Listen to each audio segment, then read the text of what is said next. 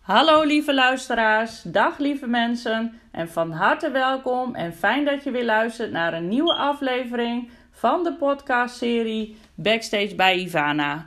En Backstage bij Ivana gaat over ondernemers en hun verhalen. Want wat gebeurt er eigenlijk achter de schermen? En vandaag heb ik weer een nieuwe gast in mijn podcast.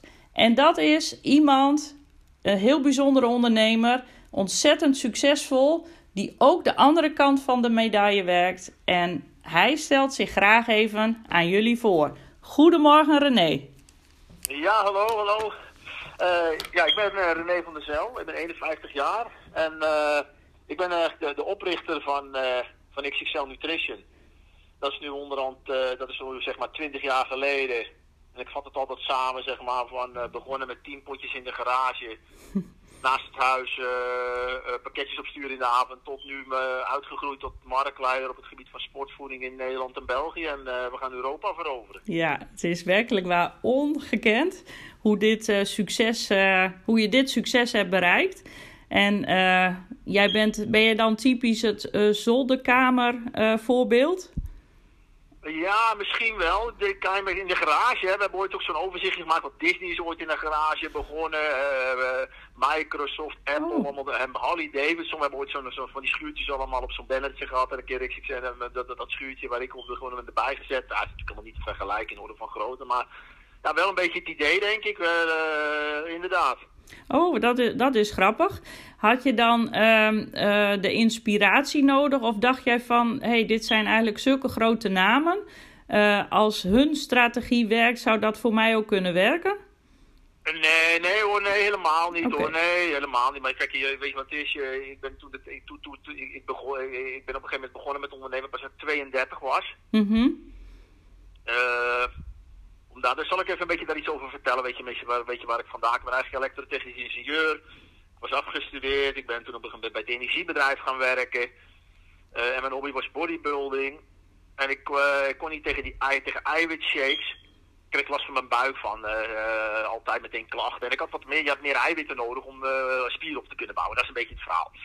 Nou, dat kun je uit je voeding halen, is wat lastig. Dus shake is makkelijk. Nou, uh, op een gegeven moment kwam ik bij een vriend in Duitsland en die ging ook een shake maken. Zegt, want we hadden samen getraind. Hé, René, wil je ook? Ik zeg, nou laat maar zitten, want ik krijg pijn in mijn buik. Nou ja, had ik ook altijd met dit goed spul. Nou, ik zeg, weet je wat, zo erg was het ook weer niet wat ik kreeg. Ik had er gewoon echt wel wat last van, maar niet dat ik helemaal, helemaal overhoop lag. Dus ik, nou, proberen. En ik had helemaal geen last. Hm. Ik zeg, waar haal je dat dan? Hij zegt, bij mij in het dorp zit een producent die maakt babyvoeding. En dit gebruiken ze als ingrediënt. Dat leveren ze ook aan een aantal grote, of Duitse sportmerken. Nou, ik zeg, kom bij erheen, uh, verklopt op de achterdeur illegale transactie met zo'n emmertje. En ik dat spul mee naar huis neem, een paar van die emmertjes. En vrienden van mij dat ook weer proberen, die vonden dat ook goed spul. Hm. Uh, en op een gegeven moment moest ik het voor steeds meer mensen meenemen, was nog steeds een vriendendienst. Uh, ja, toen kwam er het moment dat, dat, op een gegeven moment, ik werkte gewoon bij het energiebedrijf, ik, voor mij was het helemaal niet, ik had helemaal niet de gedachte om te gaan ondernemen. En, en ik had op een gegeven moment een BMW gekocht.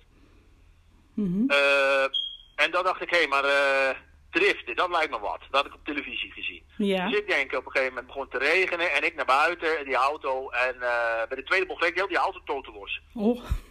en toen dacht ik, ja, maar dit is niet, dit is niet goed. Dus ik helemaal in de stress. En toen dacht ik, hoe kan ik dat nou terugverdienen? En toen dacht ik aan die, aan die eiwitten, hé, hey, maar als ik daar nou mee, uh, misschien kan, daar heb ik al klanten voor, dat is goed spul. Uh, het is er in Nederland niet in deze kwaliteit, daar kan ik iets mee. Dus ik toen gevraagd, van, kan ik het inkopen?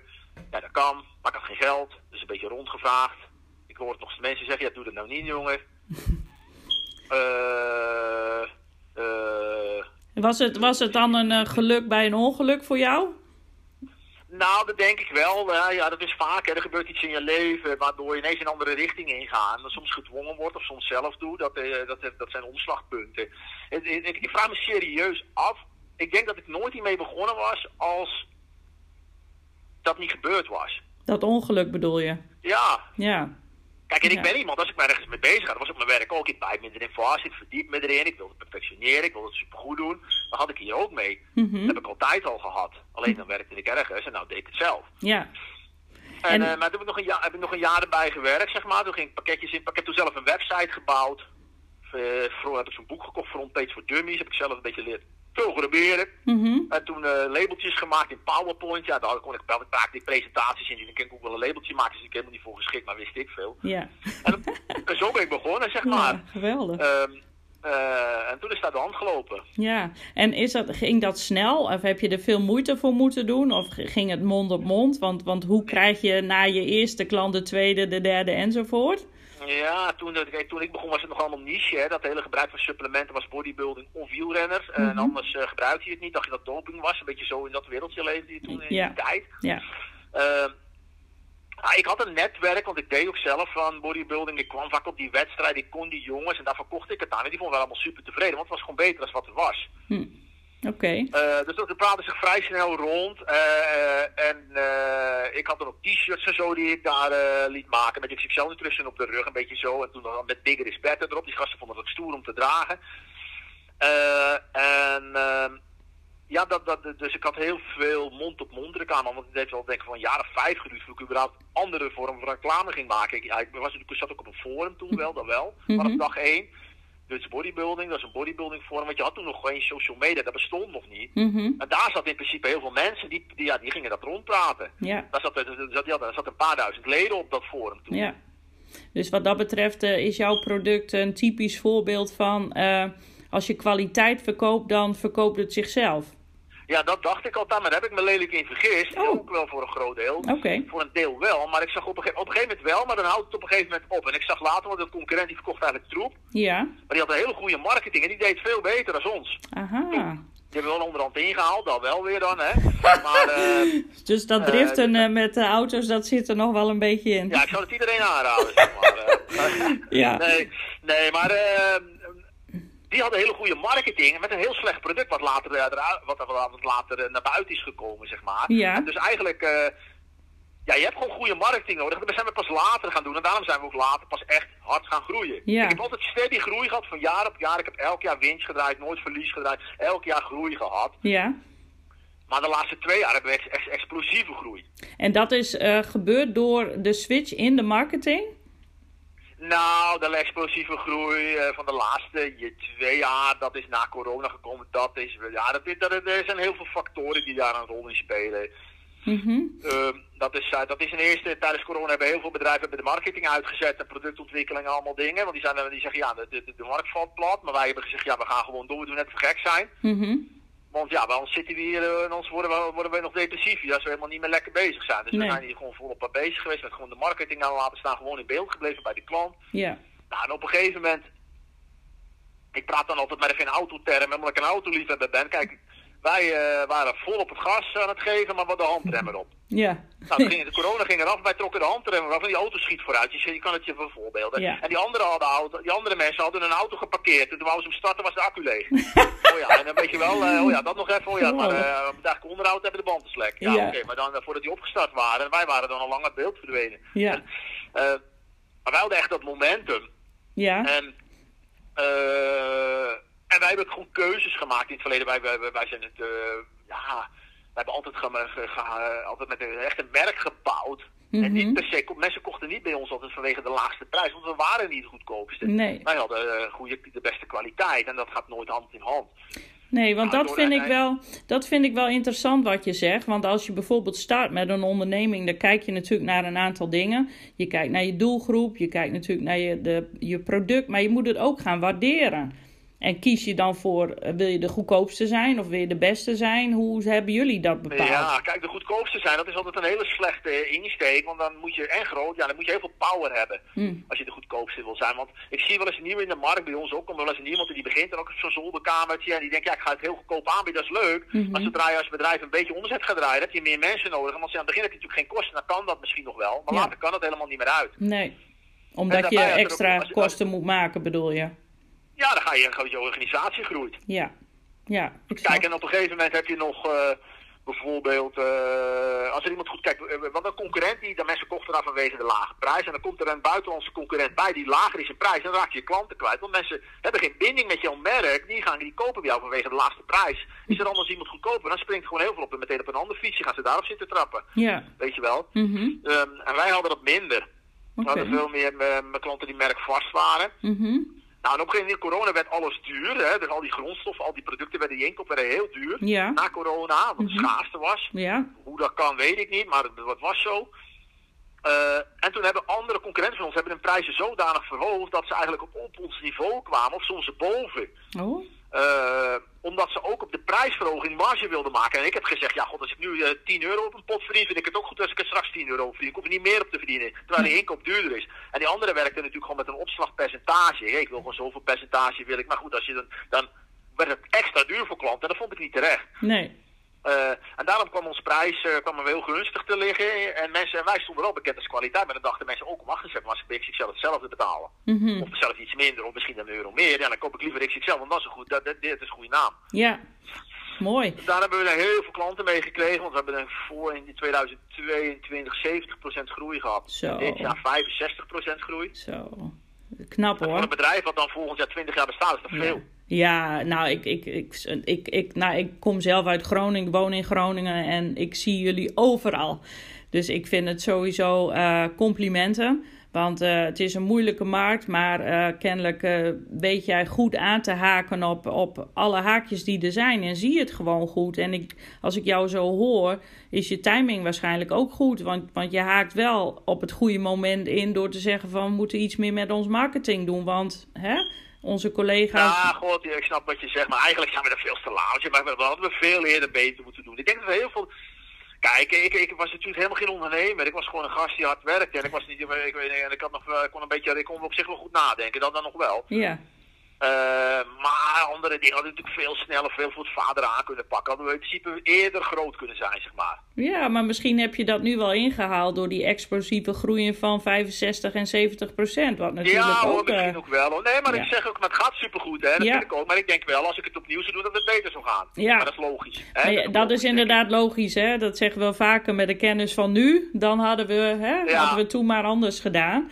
Maar, Ja, dat, maar mensen lachen maar hieronder. En voor mij mag je niet klagen. Nee, dat is ook maar, maar realistisch. Maar ik vind het gewoon wel. Dat is, er had zeker een aantal dingen beter. Eerder dit, dat. ja. Eh, maar toch hebben we... eh, ja, kijk... eh, ik denk dat we het goed gedaan hebben. Ja. Zeker omdat we, we, hebben heel, we hebben heel... Voornamelijk hebben wij de kernwaarden van ons merk goed bewaard. Kwaliteit. We hoeven niet de goedkoopste te zijn.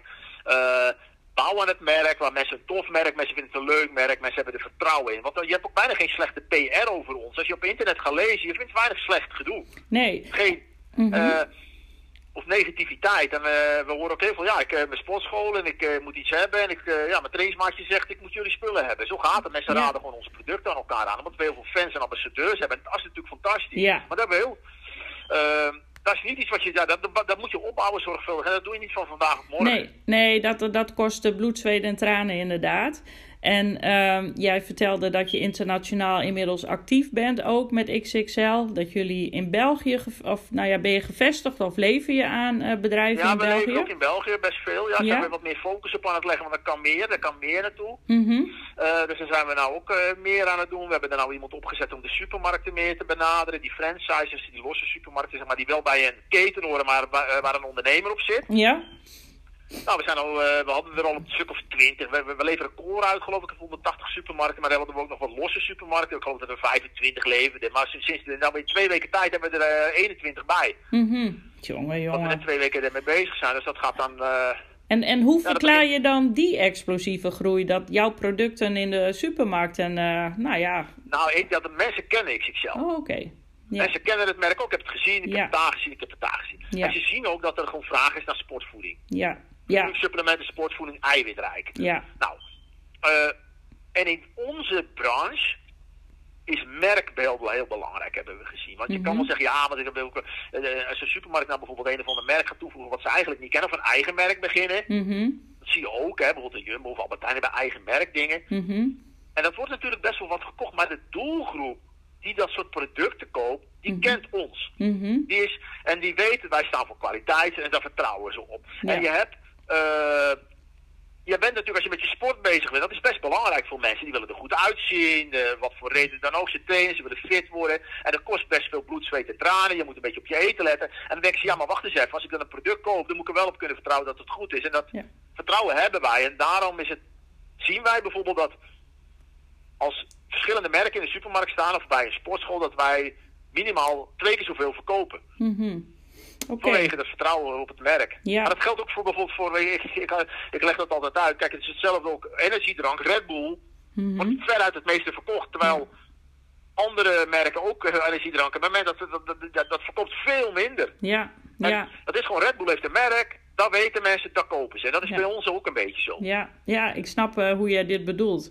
De kracht Ja. van, eh, van marketing en, en het bouwen van een merk is wat dat betreft wel heel erg belangrijk.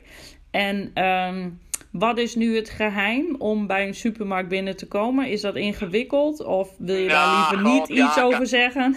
Kan ook. Ja, hoor, kan ik wel iets over zeggen. Kijk, ik, heb, ik, heb, ik zit met zo'n autoclub, hè, want ik ben autoliefhebber, ik zei het net tegen jou. En heb je, zit met een autoclub, allemaal mensen met auto's. En er zitten ook wel een aantal mensen van die ondernemers bij, die hebben van die franchises, die hebben supermarkten. Die heeft gastig zeggen, we zaten een keer ergens en zeggen, hoe werkt dat nou? Ja, Want ik denk dat eh, in alle, alle landen om ons heen waar ik kom zit, zitten dus, zie ik voedingssupplementen in de supermarkt, behalve in Nederland. Dat is een Hmm. kwestie van tijd. ja.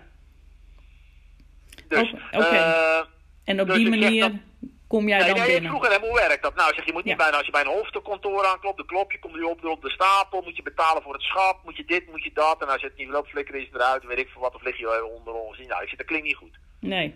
Zeg, maar wat moet ik dan doen? Ik zeg, ja, je moet franchise benaderen. Die ondernemers hebben, die kunnen dat toevoegen. En als ze dat, eh dat iets zien, ja, dan gaan ze dat toevoegen. Dan kunnen ze zelf bepalen, een deel van het assortiment. Ik zeg, nou, dat komt goed uit, want ik ken toevallig iemand die heeft franchise. Dat was hij natuurlijk, zit wij aan hem. Ik zeg, zet eens maar neer. ah, is wel goed, René, doe ik wel. Ja. En toen, maar, maar hij zette dat neer en dat hij meteen een hele meter van dat spul, dat is een hele kopstelling. En dat spul verko- en het verkocht zo goed, Jeetje. Dat hij snel ging uitbreiden. Hij heeft nou zelfs vier meter van onze spullen. Maar dus vier Oh. hele meters aan, sport, aan sportschool. Het is bijna een gangpad. Ja. Eh, en dat verkoopt nog steeds goed. En mensen zagen dat bij hem. En eh, ja, toen kreeg je een olievlek. Ja. Ja. En, eh, en toen hadden we ook proof of concept. Dus ik kon dan ook een ander supermarkt laten zien. Hey, dit is de rotatie. Dit is de, dit is de inkoop. Dit is je marge. Dit is, hè. En dat, Ja. dat was allemaal supergoed. ja. En je trekt een ander publiek er naartoe. Want het is vaak ook wat jonger publiek die dat koopt. En dat is toch een beetje een kunst voor een supermarkt om jonger publiek daar naartoe te trekken. Ja. En het liep gewoon supergoed. En Ja. ja, en op een gegeven moment, de aanvragen kwamen gewoon binnen. En op een gegeven moment kwamen ook hoofdkantoren bij ons vragen. Hey, we hebben dit en dat gezien. hè, we hebben wel interesse. Oh, echt waar? Kijk. Dus dat is bottom-up. Bot- de bottom-up benadering. Ja. Zeg maar, begin bij franchise. Proef, want als je daar ziet dat het goed roteert. Mhm. Dan, kun je, dan, dan, dan, heb je een, zit je anders aan tafel bij een hoofdkantoor. Omdat ze zien dat het gewoon werkt. Ja, want aan, aan de onderhandelingstafel word je natuurlijk afgebroken op het moment dat je geen track record hebt. Want zo werkt Ja, maar het daar hebben ze er ook weinig zin in. En dan moet je echt veel betalen. Want dan zeg je, ja goed, we willen het wel. Maar goed, eh, kom maar eens met de... met- dan moet je gaan betalen om een plek in de supermarkt eh, zeg maar, om te krijgen. Dat kan nooit, hè. Dat je wat betaalt en dat je plek krijgt. Maar eigenlijk wil je dat ook helemaal niet. Want Nee. als het, je moet bij franchise testen. Want als het daar niet verkoopt... Dan weet je ook dat je binnen een half jaar bij de supermarkt eruit ge- uitgekegeld wordt. Dan heb je, heb je dat voor niks betaald. Dus je kan daar ook testen. Ja, nee, maar dat, eh, dat is eh, denk ik een hele waardevolle tip die jij hier meegeeft. Om dat op deze manier te doen. Want het is, eh, ja, als je een ingang hebt op deze manier via de franchise-formule, dan is dat natuurlijk ja, heel waardevol, zoals blijkt. Ja, wij zitten dan onze. Ja, wij hebben natuurlijk wel een voorbeeld. Hè, want dan komt er iemand, wij komen bijvoorbeeld op de vloer ergens. En dan, eh, we hebben ook vaak zelf de acquisitie gedaan. Dus dan ga je ergens binnen. XXL ik ken het niet. En dan, maar dan loopt iemand met een doos van XXL en een, en, een- en een jas aan. En, en dan zit er zo'n vakkenvuller voorbij. XXL vet man, krijgen wij dat ook? En dan zit zo'n ondernemer te kijken, hè? en daarna zit in de kantine staan er twee shakebekers van ons. Ja, En ja, ik ken het niet. Dat is wel je personeel. Wel, kijk maar, er staan shakebekers hier. En dan staat de scooter buiten met de sticker van ons erop. Ja. Dus het is wel grappig. Ja. Het, het praat altijd wel leuk. ja En zeker vaak, weten. en vaak als we dan zo'n rek aan het inrichten zijn voor de eerste keer, dan worden er al spullen uitverkocht terwijl er nog geen zijn prijskaartje op hangt. Het is niet eens ingericht. Nee. En mensen gaan al spullen op eruit pakken. Ja, En dat zo'n man te kijken, dan wees dit. ja, Dus dat is wel leuk. Ja, Maar dat is dat zeker komt leuk. omdat we het merk. Kijk, wij hoeven dat. Kijk, heel veel nieuwe beginnen met heel veel eh, mensen hebben, het beginnen, hebben een product. En dat moet dan willen ze dat groot maken via de supermarkt, maar of bekend, maar wij zijn al bekend. ja. En Ja, daar profiteert de supermarkt dan natuurlijk ook gewoon van. ja maar dan krijg je de wisselwerking ook, hè, vanuit een andere invalshoek. Want eh, normaal gesproken sta jij onderaan de ladder en wil jij graag ergens in de supermarkt op de plank. Maar jij hebt het gewoon omgedraaid.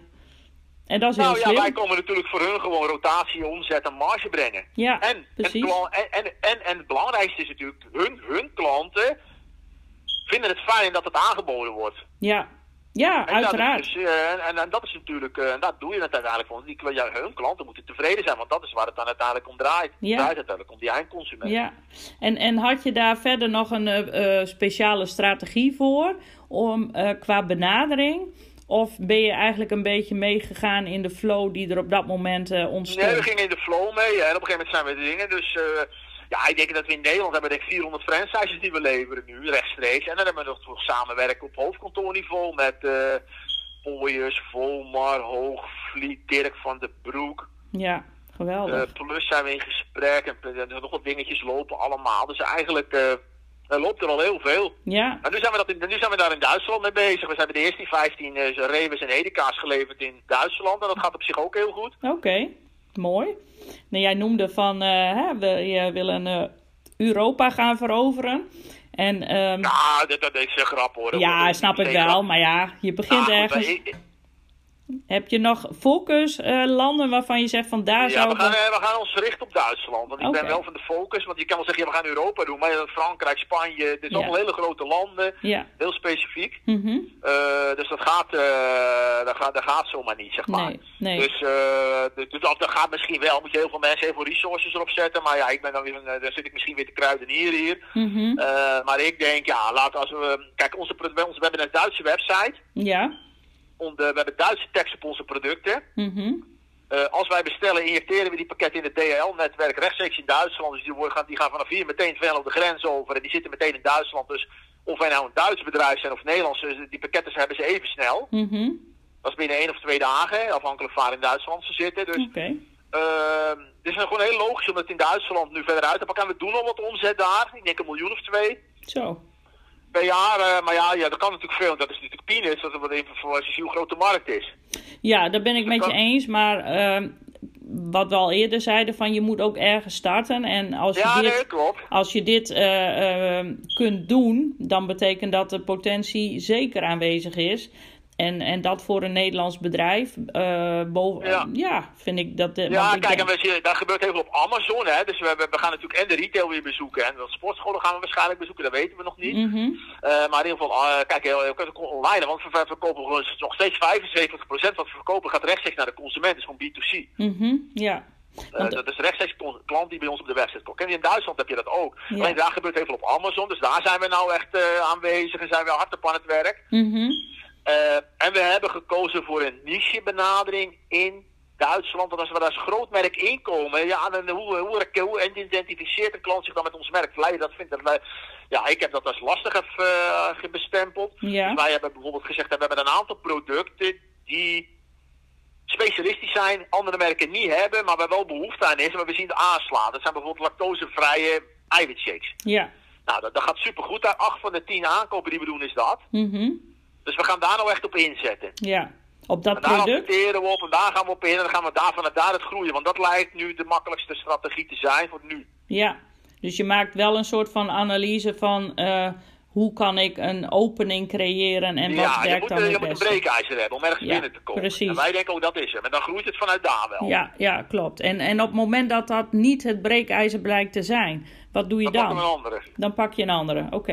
Ja, dan gaan we springen op een ander fietsje. En dan Ja, gaan we die ja. op. Nee, maar dit, eh, dit, dit gaat aanslaan, dat weet ik zeker. Geloof ik in. We hebben daarop ingezet, krijgen meer producten die in die lijn passen, zodat we dan ook meer kunnen aanbieden in dat assortiment. En Mhm. dat, eh, dat gaat, ja, daar geloof ik heilig in. Ja, dat denk ik ook wel. En eh, heb je daar veel last van concurrentie? Ja, nou, last. Kijk, over, in elk land heb je merken. Mhm. Je hebt een aantal internationale merken, die heb je natuurlijk, maar je hebt ook daar echt merken die alleen daar zaken doen. En die, eh, ja, natuurlijk heb je daar. eh, maar dan kijken we naar wat hebben die, hoe doen die het, hoe kunnen we het anders doen, hoe zullen we het aanpakken. En dat, eh, maar we moeten daar het hele merk nog gaan laden. Ja. Nou, we hebben dan wel wat bekendheid natuurlijk, maar zolang zoveel niet als hier, eh, dat is niet te vergelijken. Nee, begrijp ik. En eh, eh, heb je een eh, verwachting van wil je een bepaald marktaandeel in Duitsland? Nee, daar, ga, daar, daar, daar, daar, daar, daar, daar, ben- daar blijf ik altijd verre van. Ja, ja. Omdat ik daar, eh, we hebben wel gezegd, we hebben er eh, gezegd, nou goed, eh, hoeveel budget hebben we daarvoor? Gaan we daar echt onder water lopen? Willen we daar echt te zware investeren? Dat we zeggen, we gaan gewoon verlies draaien een paar op Duitsland. Nou, de jongens hebben gezegd, ja, dat willen we eigenlijk niet. We willen Mhm. eigenlijk kostendekkend hebben. Ja, Dus dan gaan we, dat- je, je, ga je mar, je ROAS, hè, je return on investment, zeg maar. ja. daar, of ja, hoe is dat dan? Maar je, je, je, je, je- hoeveel, eh, die budgetten stemmen we af op hoeveel we kopen en dan gaan we kijken. En, eh, en dan zien we, we gaan ons best doen, we hebben dingen, maar je kan het niet voorspellen. De klant bepaalt. Ja, uiteraard. En, en, en ook de economie en de omstandigheden, alles wat er gebeurt. Ja, dus wij, wij weten wat we gaan doen. We gaan er ons best voor doen. We, hebben, we gaan elke euro zo goed mogelijk besteden. Eh, en even tegen het licht houden voordat we hem uitgeven. En dan, eh, dan zien we het wel. Ja, dat klinkt misschien een beetje vrijblijvend en slap. Maar ja, ik vind, zo zit ik wel in de wedstrijd altijd. Je doet gewoon wat je kan. Je doet op je doet, want je kan, het, eh, je kan het niet forceren. Nee, maar ik, ik, ik kan het wel eh, waarderen dat je dit zo zegt. Hè? Van, op de manier waarop jij het doet. Er zijn natuurlijk ook andere methoden, maar met name een theoretische benadering van plannen en, en doelstellingen. Waarvan de praktijk eigenlijk nooit het bewijs levert dat het ook echt zo gelopen is zoals je ja, voorspeld hebt. Dus ja, wat Ja. werkt dan het beste? Ja, dat durf ik ook niet te zeggen. Natuurlijk, eh, ja, houden we natuurlijk wel de groei in de gaten. Maar we Ja. hebben geen doelstelling die we moeten benaderen. Want je, je- we weten wat we willen doen. We weten wat we gaan doen. Ja, En dan stel je voor dat je doelstelling niet eh, bereikt. Ja, het ene, ja, maar zeg je, ja, doelstelling heb je nodig om gemotiveerd te zijn. Ja, maar we zijn, mensen zijn intrinsiek gemotiveerd bij ons om überhaupt het goede te doen. ja, ja. Dus die, die hebben dat niet nodig. Nee, ik snap het. En jij voelt dat natuurlijk eh, als beste aan eh, of dat het geval is, ja of de nee. Ja, heel veel mensen in zo'n bedrijf zullen dat als slap ervaren. Ze Ja. zeggen, maar dat is geen doel, zo kun je niet werken, je hebt doelstellingen nodig. Maar wij hebben gewoon intrinsiek gemotiveerde mensen, die willen er gewoon ervoor gaan, die, Ja. zijn zelf gemotiveerd genoeg. Ja. Om in Duitsland gewoon maximaal er ook uit te halen. Ja, mooi. Ja, nou, die kant is er ook. Je hebt natuurlijk eh, visies eh, over het ondernemerschap verschillen. En dit is die van jou en die werkt. En daar gaat het om. Ja, misschien, ja, klopt. Ja, leuk. En ehm, wat, met hoeveel, hoe groot is jouw eh, club met medewerkers? Want je kunt het natuurlijk niet alleen. Nee. Nou ja, ik weet het niet helemaal eh, precies, maar we doen ook de logistiek zelf. Hè, dus we doen het verzenden zelf, we hebben het eigen magazijn. Dus er werken natuurlijk veel mensen, we hebben heel veel oproepkrachten, studenten, scholieren. Mhm. Als we die allemaal meetellen, dan hebben we 200 medewerkers. Zo. Eh, en als je het sla, plat slaat naar FTE's, hè, de fulltime equivalent, zo even zo'n term erin in te gooien, dan eh, zijn het er 100. Oké. Nou, dus... Na eh, 40 uur, hè. Dus het zijn best wel wat mensen. Ja, behoorlijk wat. En ehm, heb jij, ben jij dan degene die alle touwtjes in de handen houdt? Nee, ik heb helemaal geen enkel touw in handen. Ik, eh, ik laat het, eh, ik geef het lekker aan alle mensen hier. Dus ik eh, loop hier een beetje houden de hele dag tegen mensen aan. Ik heb idee, hoe gaat het, waar ben je mee bezig, wat speelt er, een beetje een leuk gesprek met mij. Ik, ik ben meer met de, ik werk aan de menselijke relatie, zeg maar. Oké. En hoe doe ik, je dat? Ik, een praatje houden. Gewoon Hm. even iemand bij iemand gaan zitten. Hey, wat speelt er? Ben je mee bezig? Hoe gaat het? En thuis, hoe is het? Hey, nee, hoe is het met je dochtertje? Zo is het al op. Doet het al leuk. En daar praat ik een beetje over. En dan hoe is het met het werk? Hoe gaat het? Waar loop je tegenaan? Vind je het allemaal nog leuk? Ja. Eh, heb je het nog naar je zin hier? Eh, Ja. Gewoon dat mensen oprechte aandacht geven aan mensen. En vrije. Ik zorg zo voor een soort veilige haven waar voor mensen, zeg maar, dat ze zich hier prettig en veilig voelen. Mhm. Gewaardeerd. Ja, Eh, waardoor ze zich kunnen ontplooien. En dat Ja. ook durven te doen. En Ja. je niet bang om een foutje te maken en dat je dan eh, onderuit getrapt wordt. nee, precies. En, publiek, snap je? ja, Dus ik zorg voor, dat, dat denk ik. Ik denk zorg, eh, ja, dat denk ik dat dat mijn rol is. En natuurlijk heb ik visie en ik heb een idee en ik, zeg, ik stel kritische vragen. En ik, eh, waar- daarom mensen over bepaalde dingen gaan nadenken en ik probeer te prikkelen en dus voor meer mensen uit te dagen, waardoor ze wel vanuit de veiligheid ook echt dingen gaan doen. mhm. en, en wie beslist uiteindelijk? Wij, Wij, oké. de mensen, Ja, beslissen. ja. Ik ben niet iemand die met een hamer ergens op slaat. Nee, dus eh, ik zeg ja. Ik, als mensen met een voorstel komen, ben ik bijna altijd ja. ja. Oké, Eh, tenzij ik het echt eh, denk van nee, dat vind ik een slecht idee. Dan zeg ik, Ja. jongens, ik weet niet hoor. ja, Dan kom ik met wat argumenten en dan zeggen mensen, ja, ze hebben het eigenlijk niet bekeken. Of ja, ja, god.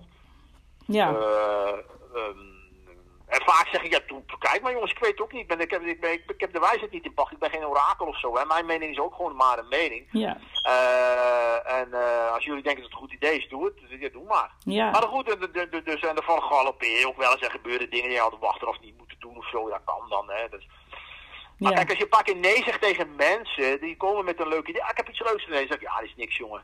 Nee, Dan, na drie keer, dan komt gewoon iemand niet meer. En zonder, zonder dat je er erg in hebt, is, is iemand gewoon afgestompt. Ja, dat is waar wat je zegt. Maar aan de andere kant is het natuurlijk ook wel eens het geval dat jij van tevoren al weet van ja, bedankt voor het meedenken. Maar uiteindelijk gaat dat echt niet iets worden. Hoe ga je daar dan mee om? Ja, maar dan weet je dat, als ik dat echt niks vind, dan uh, vraag ik, dan, dan, vaak is het ook wat meer met meer mensen besproken. Dus heb je het al wel met collega's ja, heb gedaan, die vonden het een goed idee, is oké. Hm. Ik zeg, nou, dan ga ik even zitten. Ze roepen, zeg, jongens, jullie kwamen hierin mee. Ik zeg, ik, zeg, ik, ik zeg bij ik, wil, ik, zeg ik, ik, ik, ik, stimuleer natuurlijk altijd een beetje eigen ideeën. Dat vind ik altijd heel prachtig. En hier heb ik even een paar schoten me toch een paar dingen te binnen. Vraag me even of jullie eraan gedacht hebben. Zeg, ik heb dit en dat, zus en zo, hoe zien jullie hier dan? En laatst hadden we bijvoorbeeld, wilden ze weer met meer, meer, meer we ook iets met het product, wilden meer drankjes en zo, moeten meer drankjes. Ik dacht, ik zeg, goed idee, leuk. Ik zeg, maar luister jongens, en dan kom ik wat met argumenten en dan zeg ja, nee, we eigenlijk niet aan gedacht. Nee, nee, nee, is het zo stel? Nee, nee, nee, nee, nee, nee, moeten we niet doen. Nee, moeten we niet doen. Nee, dat gaan we niet doen. Nee. Nou, dan is het klaar. Ja, nou, maar dat is toch heel mooi dat je dat uh, onderling ook gewoon prima met elkaar kunt uh, bespreken en overleggen. Ja, dat gaat eigenlijk heel goed. En, ja. Uh, ja, dat, nee, nee, dat, dat, uh, daarom blijven, komen er heel veel ideeën uit meerdere lagen van de organisatie. Mm -hmm. Maar ooit heb jij... Ooit heb jij je eerste medewerker moeten aannemen. Wat vond je daarvan? Nou, dat vond ik wel relaxed, want dat was eigenlijk oh. gewoon een gast, een vriend van mij, die in het weekend kwam helpen omdat ik nooit wegkwam, weet je. Ja. Zo is het en later werd het druk en toen kwam hij vastwerken en zo is er steeds, steeds is er iemand bijgekomen, gewoon een trainingsmaatje van de sportschool. Gast, hey, uh, als je een beetje helder uit zijn ogen gekeken en je denkt, is een beetje een fatsoenlijke gast, wat doe je eigenlijk? Ja, ik werk daar en daar, verder wat? Nou, eigenlijk niet. Hm. Nou ja, wil je niet bij ons komen? Wat moet ik dan doen? Ja, dat, nou, ze komen even een dagje kijken. Ja, leuk man. Ja. zo ging dat. Leuk. Eh, als ik jou zo beluister, is het jou eigenlijk wel. Uh, ik wil niet zeggen dat het heel makkelijk gaat, maar eh, je zit wel redelijk in een goede flow. Ten aanzien ja, maar ik ervaar, ja, ik ben gewoon positief ingesteld voor dingen en ik zie niet vaak dingen als een probleem of en dan los je het op en dan kijk je verder en dan ja, terugkijken, daar ben ik allemaal aan niet van. Dus nee. Dus ja, kijk, natuurlijk gebeuren er dingen, maar je is net de vraag, hoe groot zijn die problemen? Er gebeurt natuurlijk van alles in zo'n groot bedrijf, maar ja. Ja, zeker weten. We hebben, ja, ja we, hebben, we, we, hebben dingetjes losse wolf, we hebben relatief weinig gezeik met mensen zelf. Mm Omdat we de relatie er gewoon is, hè, dus dan kom je niet zo ver. Nee. Dat je conflicten krijgt of dingen, want je hebt de relatie gebouwd. Mm ja, nou ja, het, nee, het, het, nee, het gaat eigenlijk gewoon goed allemaal. Het is leuk vooral, dus uh, dat is het belangrijkste. Ja. En dat vinden andere mensen ook. En is zo'n decembermaand uh, bijvoorbeeld een hele drukke periode voor jullie? Nee, rustig. Het is de ja? rustigste maand van het jaar. Oh, en, en hoe is dat te verklaren? Ja, mensen zijn bezig met iets anders bezig. Hè. Die zijn niet bezig met sporten. Die zijn bezig met Sinterklaas en met, uh, met, met, kerst en met oliebollen. En die denken van, weet je wat, nou ik ga in januari beginnen, ik wil weer met sport. Ik heb er nou geen zin in. Nee. ja, in januari was het waarschijnlijk weer een hele... En, en, dan van januari tot en met juni zijn de drukste maanden, want voor de zomer moet het natuurlijk gebeuren allemaal. Ja, precies. En ja. na de zomer is, de motivatie toch weer wat minder. Ja, ja, dat is helemaal waar. En hoe zit het met jouw motivatie? Of heb je geen tijd? Waarvoor? Sporten? Bewegen? Ja, sporten wel, maar ik heb mijn benen. Ik heb problemen met mijn benen, want ik heb beide quadriceps pezen afgescheurd. Want ik heb ergens een afstapje gemist. Hoe het kan, weet ik niet. Maar beide quadriceps pezen afgescheurd van de knie zes, zeven weken terug. Nou, en ik kan weer wel lopen, kan traplopen, kan auto rijden. En uh, daar ben je dan al blij mee. Maar dan moet ik elke dag ben ik wel aan het trainen. Want ik moet, uh, dan moet je echt aan werken. Ik ben daar drie keer per dag mee bezig. S'morgens fietsen, mm -hmm. trainen, wat dingetjes, oefeningen, stretchen, dingen doen. Smiddags dan naar de sportschool. Dan ik zit meestal, dan ga ik naar het werk. Ben ik meestal rond een uur of half tien hier. Dan zit ik tot, uh, ben ik tot een uur of één op het werk. Mm -hmm. En dan ga ik naar de sportschool, ga ik trainen. En daarna ga ik naar huis, ga ik daar weer wat verder dingen doen. Maar dan komt er mijn dochtertje ook thuis om een uur of half vier. Vind ik leuk om met haar op de dingen te, te tijd te besteden. Dat heb ik altijd eigenlijk gedaan. Mm -hmm. En dan, uh, dan begint mijn dag weer opnieuw de dag daarna. Ja, en, en uh, was het geen shock voor jou? Want je kwam letterlijk tot stilstand. Want volgens mij ben je wel een ja, uh, bezige bij. Ja, zeker wel. Maar ik ben wel... Kijk, ik heb geen stress van het werk. Want ik heb zes weken thuis op de bank gelegen, om het zo maar even te zeggen. Ja. Min of meer. Uh, ik, uh, het is me, het is me heel goed afgegaan, maar ik had geen stress van het werk van die jongens. Ik, het was voor mij op een gegeven moment het doel op, op zich om die tent zonder mij te laten draaien. Ja, heel goed. En natuurlijk heb ik wel de visie, energie en de dingen ik breng wel, want ik heb op een gegeven moment wel, had ik helemaal de telefoon zeg, jongen, ik vraag me af wat ik eigenlijk normaal op het werk zit te doen. Ja. Want alles loopt gewoon goed. Oh ja, nee, nee, nee, jij zorgt voor de verbindende factor, de energie, uh, de nieuwe ideeën en de gewoon kritische blik. Ja. Ja. Uh, en jij hebt, wij, wij zitten om een halve, halve dag zitten wij ergens over te brainstormen. Jij roept één keer wat en het is, uh, het is gewoon echt raak. Dat vind ik verbazend. Dat heb ik, dat heb ik ooit. Weet je, mensen, wat zit er hoe dan? Ja. Weet je wel? Met een oplossing of zo. Of met een naam van een product. Ja. Dus, ja, we we hebben nou. En dan zeg ja, dit. Ja, maar hoe, hoe dan? Hoe, hoe, hoe komt hij er nou aan? En dan missen ze dan. En dan zeg nou goed, zie ik me nou gewoon een goed gevoel aan te praten? Of uh, vind je ook echt? Nou, weet je? En ben je er inmiddels uit? Ja, nee, hoor, maar uh, ja, goed, al beide. Het zal wel aan de hand dat zal, uh, ja. zal beide zijn. Ja, ja, ja. Nee, maar uh, dus ik, ik, ben iemand die me heel snel neerlegt bij een situatie. Ja. Ik denk dat dat ook wel een, een goede eigenschap is, als je dat kunt. Ja, want, ja. want, want, want, want ja, moet ik het zeggen, omstandigheid, laat ik het omstandigheid. Omstandigheden kan je niet oplossen. Heel veel mensen willen omstandigheden oplossen. Uh, economische klimaat, uh, uh, politieke dingen waar je het niet mee eens bent, corona, toen de tijd maatregelen. Kan je boos over maken, maar dat is een omstandigheid, daar moet je mee dealen. Die ja. ga je niet oplossen. Nee. Als je dat wil gaan oplossen, dan, als je die wil oplossen, dan, dat gaat niet. Dat levert frustratie op. Dus we moeten focussen op datgene wat je wel kunt. Dan kun je ook gaan kijken, die benen zijn aan de mijn knieën zijn kapot. Ik moet zes, vijf, zes weken plat. Dan moet ik moet aanhechten, die pezen toestand. Daar kan ik niks aan doen. Mm -hmm. Dus het heeft geen zin om je daar druk over te maken. Nee. Uh, en dan, ben ik, dan, dan, ja, dan, dan, dan, heb ik heel, dan heb ik heel snel over me heen gehad. Oké, okay, die is het en nu ga ik het beste van maken. Ja, en, en hoe heb je die switch gevonden? Of zit je gewoon zo in elkaar? Dat kan. Ja, dat weet ik niet. Ja, dat denk ik in het verleden. Wat dingen gebeurd of zo, denk ik. Ik weet niet. Ik heb dat wel... Ja, ik heb wel veel, op een gegeven moment wel gerezen. Je moet je gewoon niet... Ik heb altijd gezegd, je moet je... Ja, dat heb ik altijd gehad. Soms gebeurt er... Uh, problemen, dit hier ook. Ik zeg, ja, maar kun niks doen. Omstandigheid, jongens. Jullie willen omstandigheden opgelost? Ja. Dat moet je niet doen. Ja, oh, ja, je, moet kijken, je moet alleen kijken hoe je ermee gaat dealen. Ga daar maar eens over nadenken. Ja. Meteen in de oplossingenmodus. Dan denk ik, oh ja, ja, goh. En dat heb ik wel heel vaak. Dan zitten mensen er heel lang over iets. Ah, dit, dat is jongens. Dat is een verstandigheid. Niet oplossen, niet proberen op te lossen. Of niet te lang over het bomen. Of, hoe gaan we ermee om? Ja. Daar, daar, daar, moeten we over nadenken. Oh ja, ja, ja, ja. Ja, maar ja, het is natuurlijk niet voor iedereen weggelegd om dat op die manier uh, te kunnen relativeren, hè? Maar wat nee, jij... misschien niet. Uh, ja, maar op zich is het wel heel makkelijk natuurlijk, want zo simpel is het wel. Uh, ben ik met je eens. Het is uh, zeker zo simpel, maar in de uitvoering natuurlijk niet. Ja, misschien niet. Nee, nee misschien niet. Nee, maar goed, in jouw geval werkt dat prima. En als je dat eigen hebt gemaakt door misschien inderdaad wat je zegt, hè, dingen die in je leven gebeuren waardoor je anders naar zaken gaat kijken, dan, dan is dat natuurlijk heel mooi meegenomen. Dat is denk ik ook het voordeel van groeien, ouder worden, ervaring opdoen. dat weet ja, je niet. Ja, nou ja, je ontwikkel je natuurlijk. Ja. En tenminste, dat, uh, niet iedereen ontwikkelt zich volgens mij, maar... Uh, dat is wel, uh, dat, ja, hier was het wel nodig. Ja, hoe bedoel je dat? Niet iedereen ontwikkelt zich? Nou ja, je hebt ook mensen die zijn nog hetzelfde als tien jaar terug, bij wijze van spreken. Ja, ja. 20 jaar, die ken ik ook, weet je wel. Die, die, die, die ontwikkelen zich helemaal niet, die blijven nee. gewoon hangen. Ja. Uh, maar uh, ja, hier uh, heb ik dat ook wel moeten doen natuurlijk. Ja, en, zeker. Kijk, het is ook belangrijk in dat soort momenten. Ik ben altijd rustig in dat soort momenten. Ik blijf altijd rustig. En dat is natuurlijk voor mensen ook prettig. Als er wat paniek in de tent is en ik ben ja, wat stress en ik ben altijd heel rustig. Ja. Ja, en probeer het meteen te relativeren en naar een oplossing te gaan. Zodat mensen hun energie daarin gaan steken in plaats van in frustratie. Ja, heel goed. Ja, wat dat betreft uh, ben je dan uh, het vangnet uh, voor dat soort ja, situaties. Ja, dat is voor mensen ook prettig. En Ja. daarom, ja, dat, dan, dan, dan, ja, Ja. precies dat.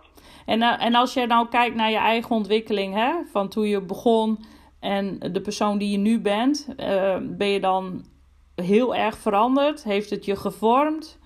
En op wat voor Ja, manier?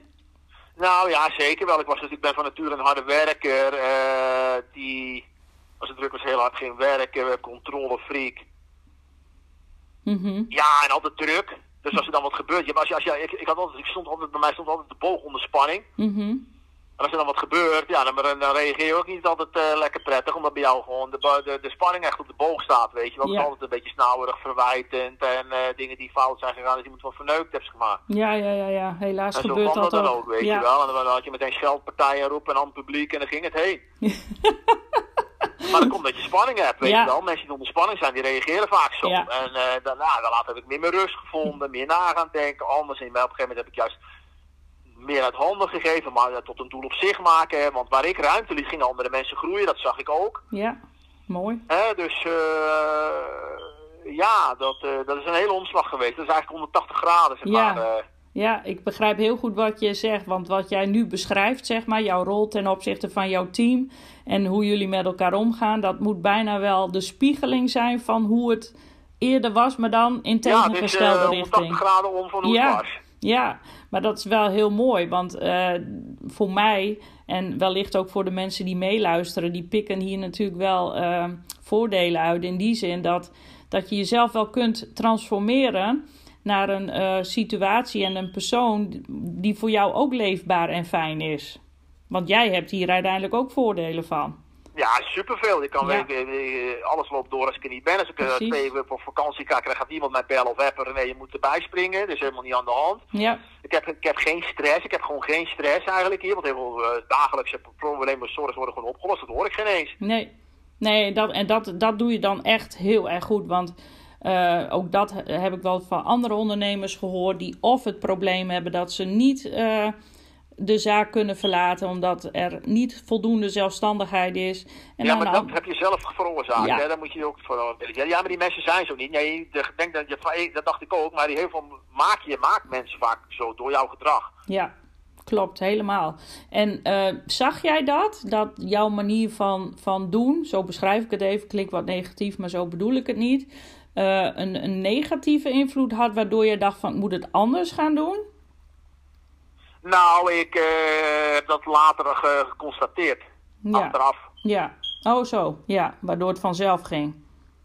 Nou, uh, na, na, een aantal jaar heb ik natuurlijk meer uit handen gegeven. En ja. later kon je meer realiteit zien. Ja, maar wacht eens even, ik heb dat zelf veroorzaakt. Maar dat inzicht had ik toen niet. Nee, nee, begrijp ik. Want dan zit je er middenin, doe je zelf waarschijnlijk nog heel veel. Ja, ja precies. Ja. En uh, nou hebben jullie een wat uitgebreider assortiment, toch? Begrijp ik. Het is Behoorlijk, niet... ja. Ja, en wat, wat voor producten uh, zitten er bijvoorbeeld in je assortiment? Nou, het is, uh, ja, dat is uh, sportvoeding. van, van, je kan zo gek niet bedenken voor welke sport. Dan heel veel keuze, op de breedte in het assortiment. Mm uh, sommige merken hebben een eiwitshake, wij hebben twintig verschillende soorten. Mm -hmm. uh, proteïne, bas, energiespullen, maar ook heel veel snacks wat eiwitrijk is. Vitamines en mineralen is natuurlijk ook een hele grote groep hebben we ook. We hebben spullen voor dieet, we hebben spullen voor maaltijdvervanging, we hebben zelfs we hebben kleding van XXL, nutrition, trainingsartikelen, hulpmiddelen. Ja, echt wel veel. We hebben 3500 verschillende artikelen. Zo. Ja, dat is natuurlijk ook niet in één dag ontstaan. dat is nee, dat is uit de hand gelopen ook. ook uit de hand gelopen, ja.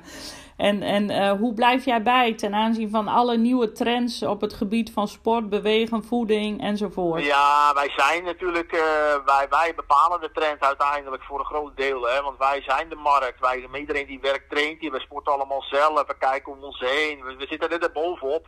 Wij ja. zijn vaak als de eerste die met dingen komen. Mhm. Ja, dat is mooi. Dus je houdt uh, alles en iedereen goed in de gaten. Nou, we, we, wij kijken niet te veel naar andere merken, zeg maar, want we hebben focus op onszelf. Mm -hmm. uh, maar je kijkt wel wat gebeurt er in de markt en wat is er en wat speelt er. En vaak uh, hebben we hele goede contacten met een aantal ontwikkelaars van nieuwe producten, van stoffen, ingrediënten. En die bellen ons altijd als eerste als ze iets nieuws hebben. Ja, oké. Mooi. En zijn, hebben jullie ook wel samenwerkingen met, uh, met conculega's of is dat uh? Nee, eigenlijk niet. Nee, nee, oké. oké. En heb jij nog tot slot iets wat je graag zou willen delen met de luisteraars? Een advies, tips voor starters of waarvan je denkt... Ja, van... een beetje lastig. Ja, voor starters vind ik altijd... Kijk, ik, wat ik net zeg, wat ik tegen jou zeg, ja, als je... Ik denk uh, een paar dingen voor een starter. Kijk, als je, als je uh, met een product of dienst naar de man wil brengen van de man mm -hmm. of vrouw. Hè. Uh, vraag jezelf even goed af waarom zou iemand mijn product of dienst afnemen? Wat is er nou anders en waar, waar, waar, waar, waar, waar, wat, wat doe ik anders? Mm -hmm. En waarom zou iemand het afnemen? Want als je een van de velen bent en je hebt niet echt een antwoord wat je anders zou doen als je een ander, moet je afgevraagd of het wel een goed idee is. Ik denk mm -hmm. dat dat wel eentje is. Mm -hmm. En ik vind, uh, ja, als je een product in de markt gaat zetten, dan maakt niet uit wat het is. Uh, probeer het in een niche. Dus een deel van de markt is of iets van glutenvrij, lactosevrij, echt op dieet, echt iets voor vrouwen, echt iets voor weet ik veel, maar dan weet ik veel wat. Mm -hmm. Of iets voor echt op kinderen gericht, of, of baby's, of weet ik het. Want dan kun je marketing, je kun je, je kun je die niche zodanig aanspreken dat ze zich heel snel aangesproken voelen. Ja. Uh, eerder identificeren met je merk als dat je van alles doet. Mm -hmm. uh, dan kun je, en je onderscheidt je vaak van de grote merken die zich op iedereen richten. Ja, maar nou zijn er natuurlijk ook wel producten die niet op die manier inge, uh, nee, dat kan. kunnen worden. Nee, maar ja. dan gaat, het, gaat die vliegen niet op. Dan gaat die vliegen natuurlijk niet op. Nee, maar ik had nee. laatst, eh, kijk, als je bij ons supplementen wat gaat doen. Ja, wij gaan ook in Duitsland in het nieuwsje zitten van lactosevrij. Ja. Ik had eh, laatst iemand die zegt, ja, ik heb, René, ik heb een lijn met verzorgingsproducten. En eh, daar ben ik mee begonnen omdat mijn... eh, ik heb eigenlijk iets voor de huid ontwikkeld voor mijn zoontje zelf. Want die had allemaal psoriasjes of een een of andere huidziekte. En ik niks helpt. En ik heb zelf iets ontwikkeld en dat hielp wel. Hm.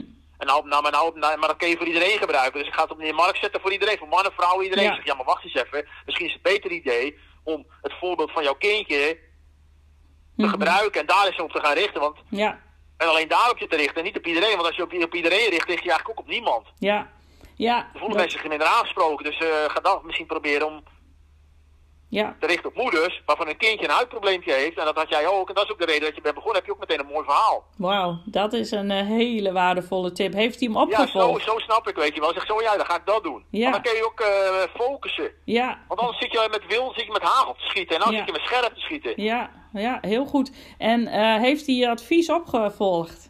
Ja, dat ging ze doen. Ik heb daar iemand, dus vrij recent, heb ik gesproken met een vrouw en zo. En zegt, ze, ja, ga ik dat inderdaad doen? Dat vond ik Ja. ook een goed idee. Ja, Nou die ja, had ook een goed idee. Dat wat jij zegt, hè, eh, de, de, de focus hebben op die niche en, en de, het voorbeeld wat je aanhaalt, dat kan natuurlijk een verschil zijn tussen dag en nacht, hè? Ja, ik denk het wel. En je, maar je, hebt, je marketingbudget is ook maar zo beperkt. En als je een doelgroep aan wil bespreken, kun je hem ook beter opzoeken. Ja, ja, dat is Maar goed, dat geldt niet voor elke dienst. Hè. Bij sommigen is dat helemaal niet zo. Dan moet je weer iets anders doen, dat weet ik. Kijk, ik heb de wijsheid ook allemaal niet in pacht. Ik ben geen orakel, ik zeg het altijd. Eh, maar eh, ja, af en toe dan... eh, ja. Nee, maar soort toch- dingen, ben ik wel van overtuigd. Nee, maar toch eh, zag je het goed en eh, zie je het ook goed eh, voor je eigen bedrijf. En je bent tenslotte het levende bewijs dat je heel succesvol bent. Je bedrijf al 20 jaar bestaat. Inmiddels in België actief, nu ook Duitsland. En daar zal het vast niet bij blijven. Dus ja, je bent in dat opzicht wel een voorbeeld.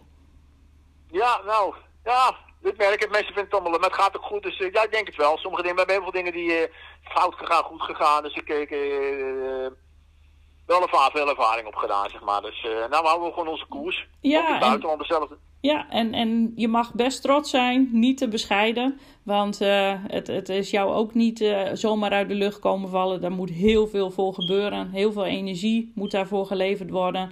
En eh, nou, je doet het toch maar mooi. En eh, ja, wat zal ik zeggen? Ik wens je gewoon ontzettend veel succes. En als je Ja. nog iets wilt delen, dan eh, is dit eh, je kans. Nou, ik heb genoeg gezegd, denk ik. Ja, nou ik wil je in Ja, ieder hè? geval, ja zeker weten. Ik wil je in ieder geval ontzettend eh, bedanken dat je je tijd beschikbaar stelt. Dat je je verhaal met ons hebt willen delen. En dat wij de mensen weer hebben kunnen inspireren. En eh, alle waardevolle tips die jij hebt eh, genoemd, dat we die in de praktijk mogen gaan brengen. En eh, we volgen je allemaal. En als er een keer weer een gelegenheid is, ben je altijd welkom. En ja, tegen de luisteraars zou ik willen zeggen: lieve mensen, dit was het dan weer. En heel erg veel bedankt voor het luisteren. Ik zou het leuk vinden als je mij volgt op Spotify onder andere. En wil je zelf een keer jouw backstage story delen, dan kun je natuurlijk altijd contact opnemen. En voor nu zou ik willen zeggen: hartelijk dank en tot de volgende keer.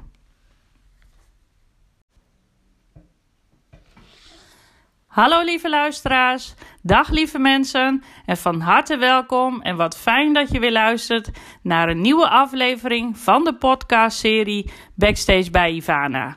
Backstage bij Ivana gaat over ondernemers en hun verhalen.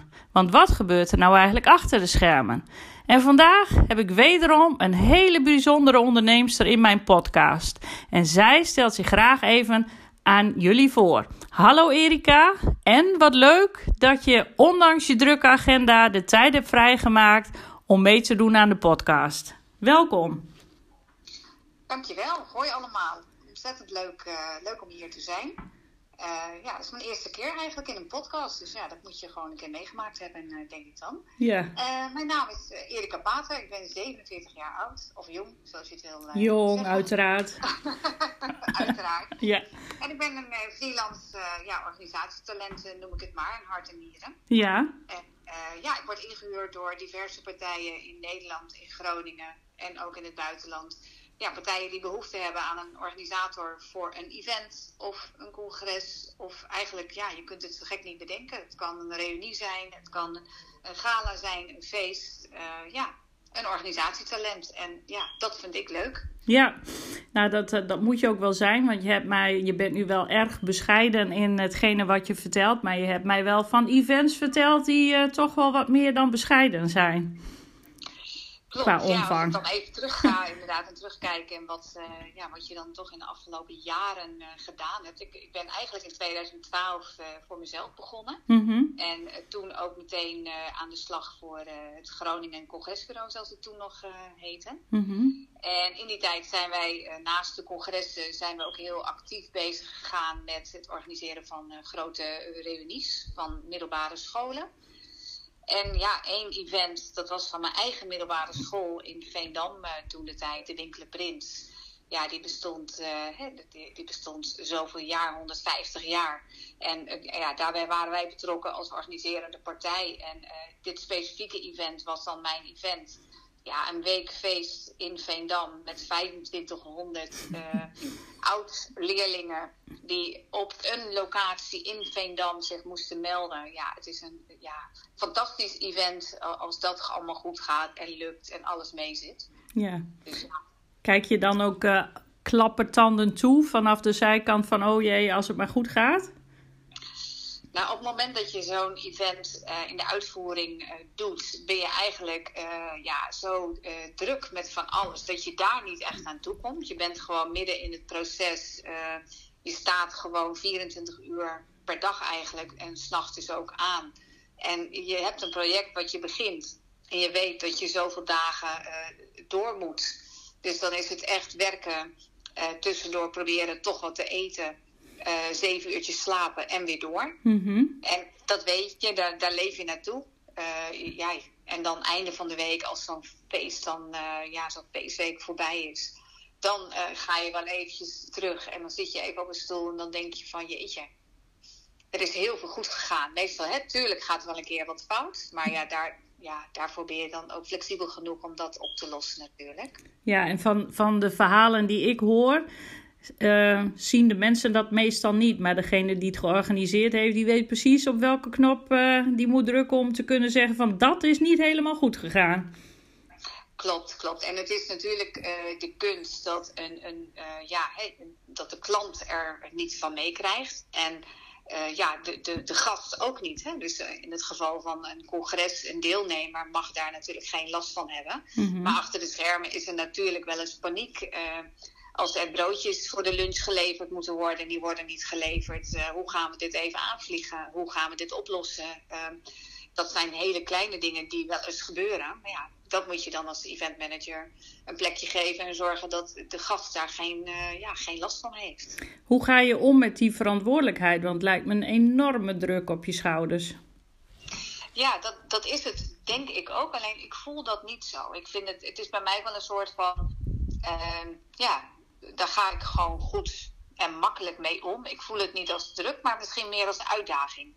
Oké. Van, uh, ik weet ook van tevoren, uh, je, hè, sommige bedenken van tevoren alle scenario's. Uh, dat doe ik eigenlijk niet meer, maar misschien ook omdat je het al zo vaak hebt gedaan. Want geen enkel scenario wat je van tevoren bedenkt komt, uh, komt tot zijn recht. Het loopt altijd anders. Dus het is eigenlijk veel verstandiger om gewoon je ding te doen. Zorgen dat alles wat je kunt doen van tevoren gewoon goed regelt. En op het moment dat er wat gebeurt, dan moet je flexibel genoeg zijn om oplossingen te zoeken en de klant tevreden te stellen. En daar word je natuurlijk in de loop van de jaren wel makkelijker in om daarmee om te gaan. Ja, dat denk ik uh, ergens ook wel. Alhoewel ik mij uh, zulke grote events nog niet zie plannen. Maar alles, alles kun je leren, zegt men.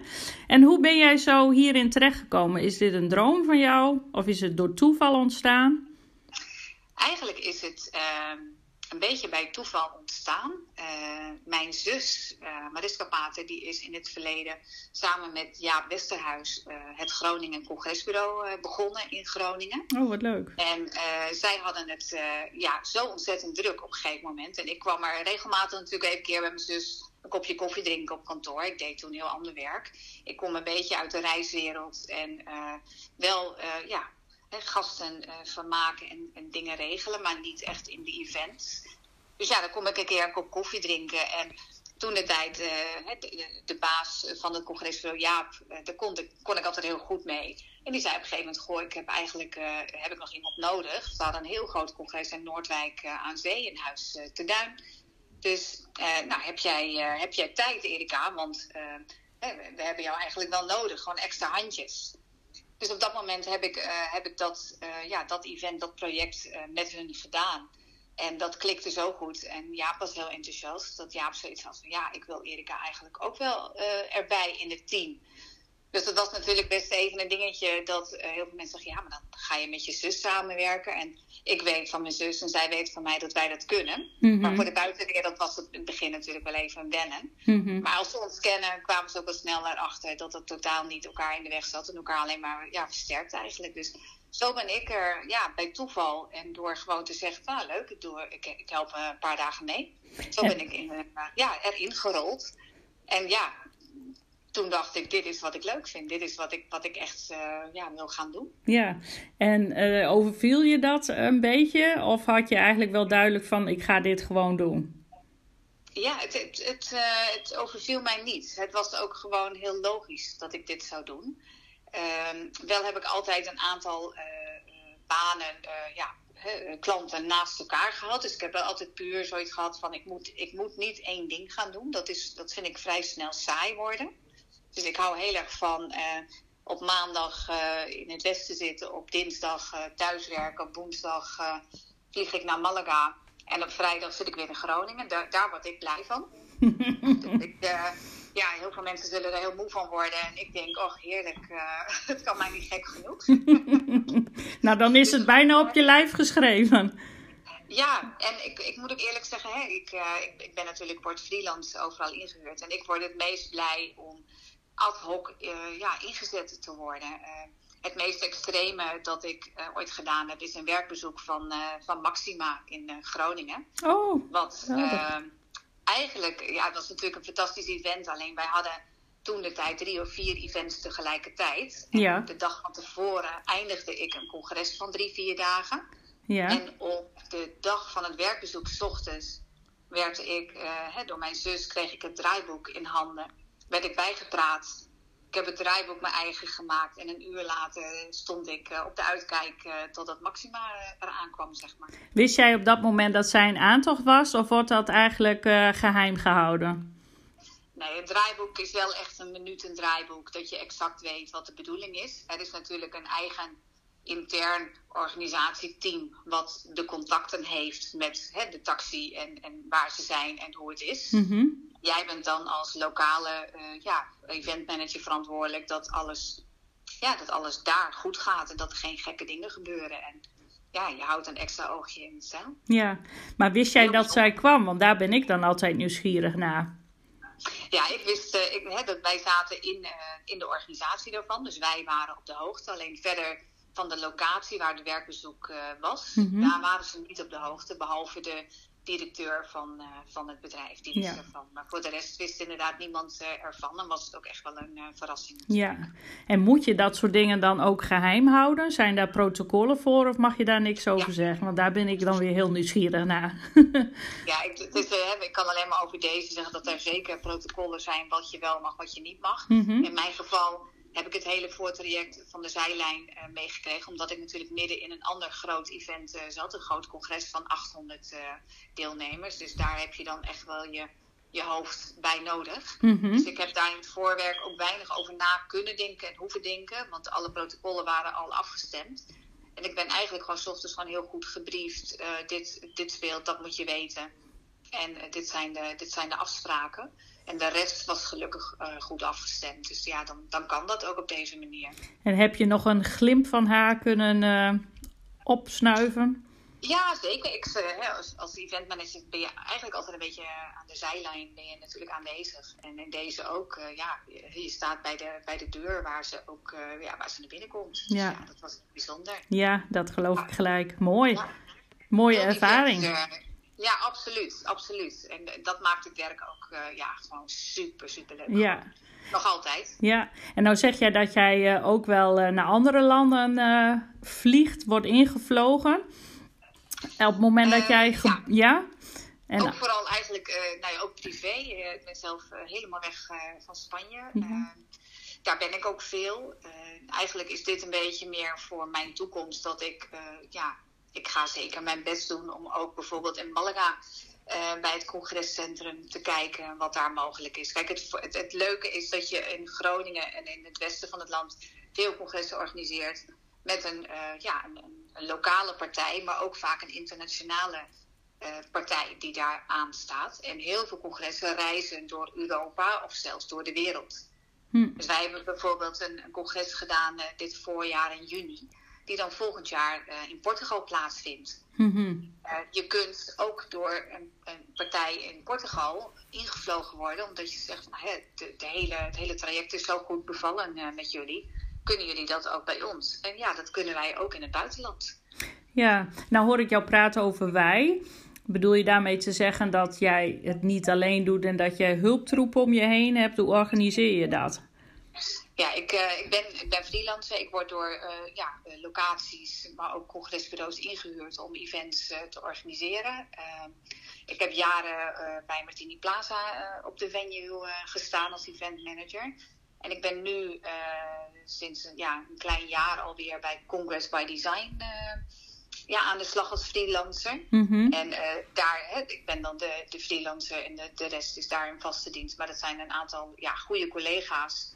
Um, hè, op het moment dat er een congres in Groningen is, uh, is het vaak dat, dat ik het oppak. Omdat ik hier natuurlijk ook nog steeds woon. Mm-hmm. Maar ja, we wisselen dat ook. Uh, ik kan ook in Noordwijk, ik kan ook in Amsterdam. Maar ik kan ook naar Dublin vliegen voor een congres wordt gewoon goed ja, gekeken naar de beschikbaarheid. Mm-hmm. En daar waar extra handen nodig zijn, of daar waar een eventmanager gewenst is, ja, vragen ze mij en bellen ze mij of ik beschikbaar ben.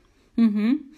En dan, dus je hebt eigenlijk een soort van voordeel dat je, ja, je hebt, je hebt wel, het voelt als collega's wat je ook hebt, waar je mee kunt uh, sparren. Ja. Maar je, ja, je bent wel ja, zelf in, in, in charge om te bepalen wat je wel en wat je niet, uh, niet doet. Ja, en wat is het meest gekke wat je hebt meegemaakt in jouw carrière als uh, event manager?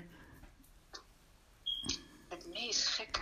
Ja, of, of bizarre, of Ja. dat het uh, helemaal niet liep zoals je had gehoopt.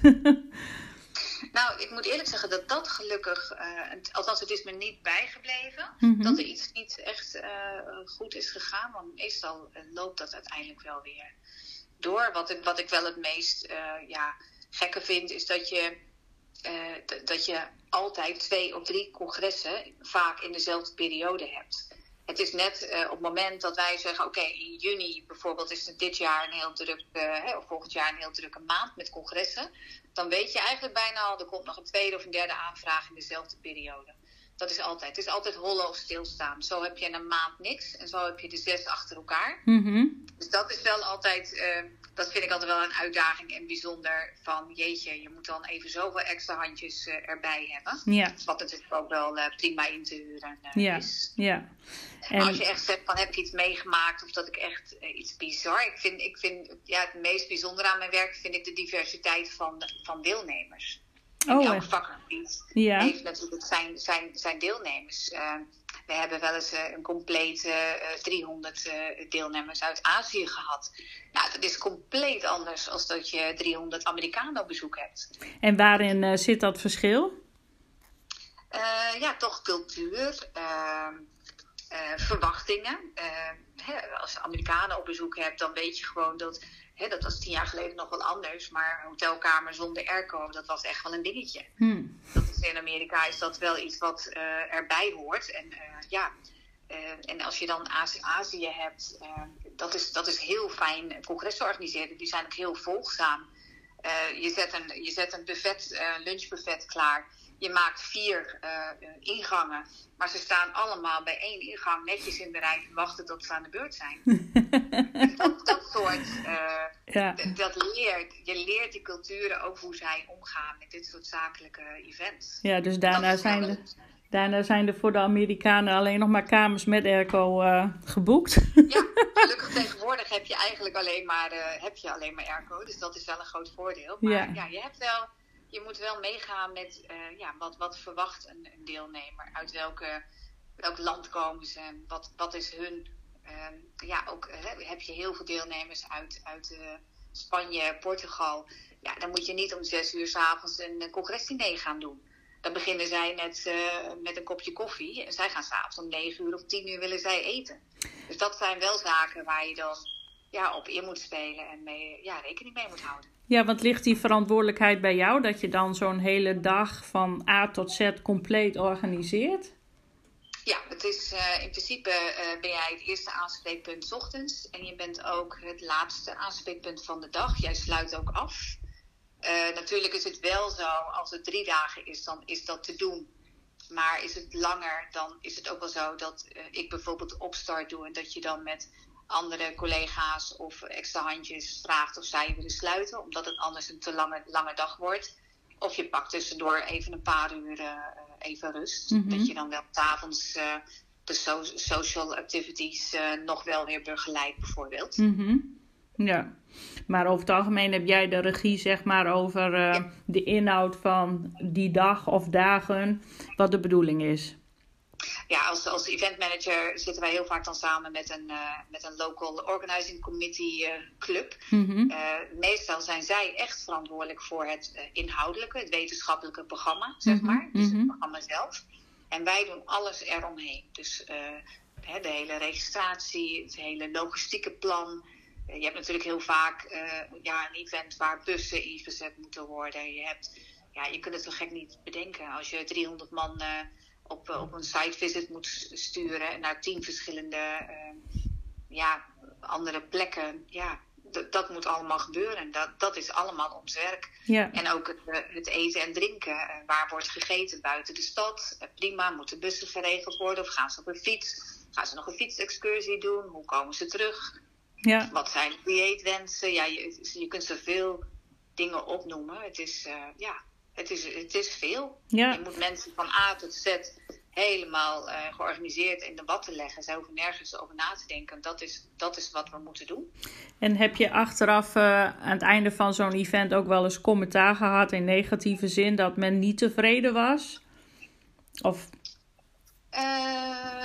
ja, moet ik, ja, vast wel, maar dat zijn dan vaak ja, kleine, kleine dingetjes. Ik, heb, ik heb bijvoorbeeld wel een keer dat er in de drukte een mail verkeerd is doorgekomen, een typfout, waarbij de bus niet om zes uur klaar stond, maar om zeven uur. Mm -hmm. nou, dat is wel heel lastig en gelukkig ja, daar moet je mee dealen. Dus je belt de buschauffeur en zegt van, goh, waar ben je? Uh, sorry, je had er eigenlijk moeten zijn. Wat kunnen we doen? Hij zegt, ik ga nu rijden. Mm-hmm. En in plaats van om uh, zes uur was hij er gelukkig om twintig over zes. Mm-hmm. Dus ja, dat zijn dingen, dat gebeurt. Ja. In zo'n laatste periode voor een, een, echt een event. Uh, ja, die mailbox loopt natuurlijk vol.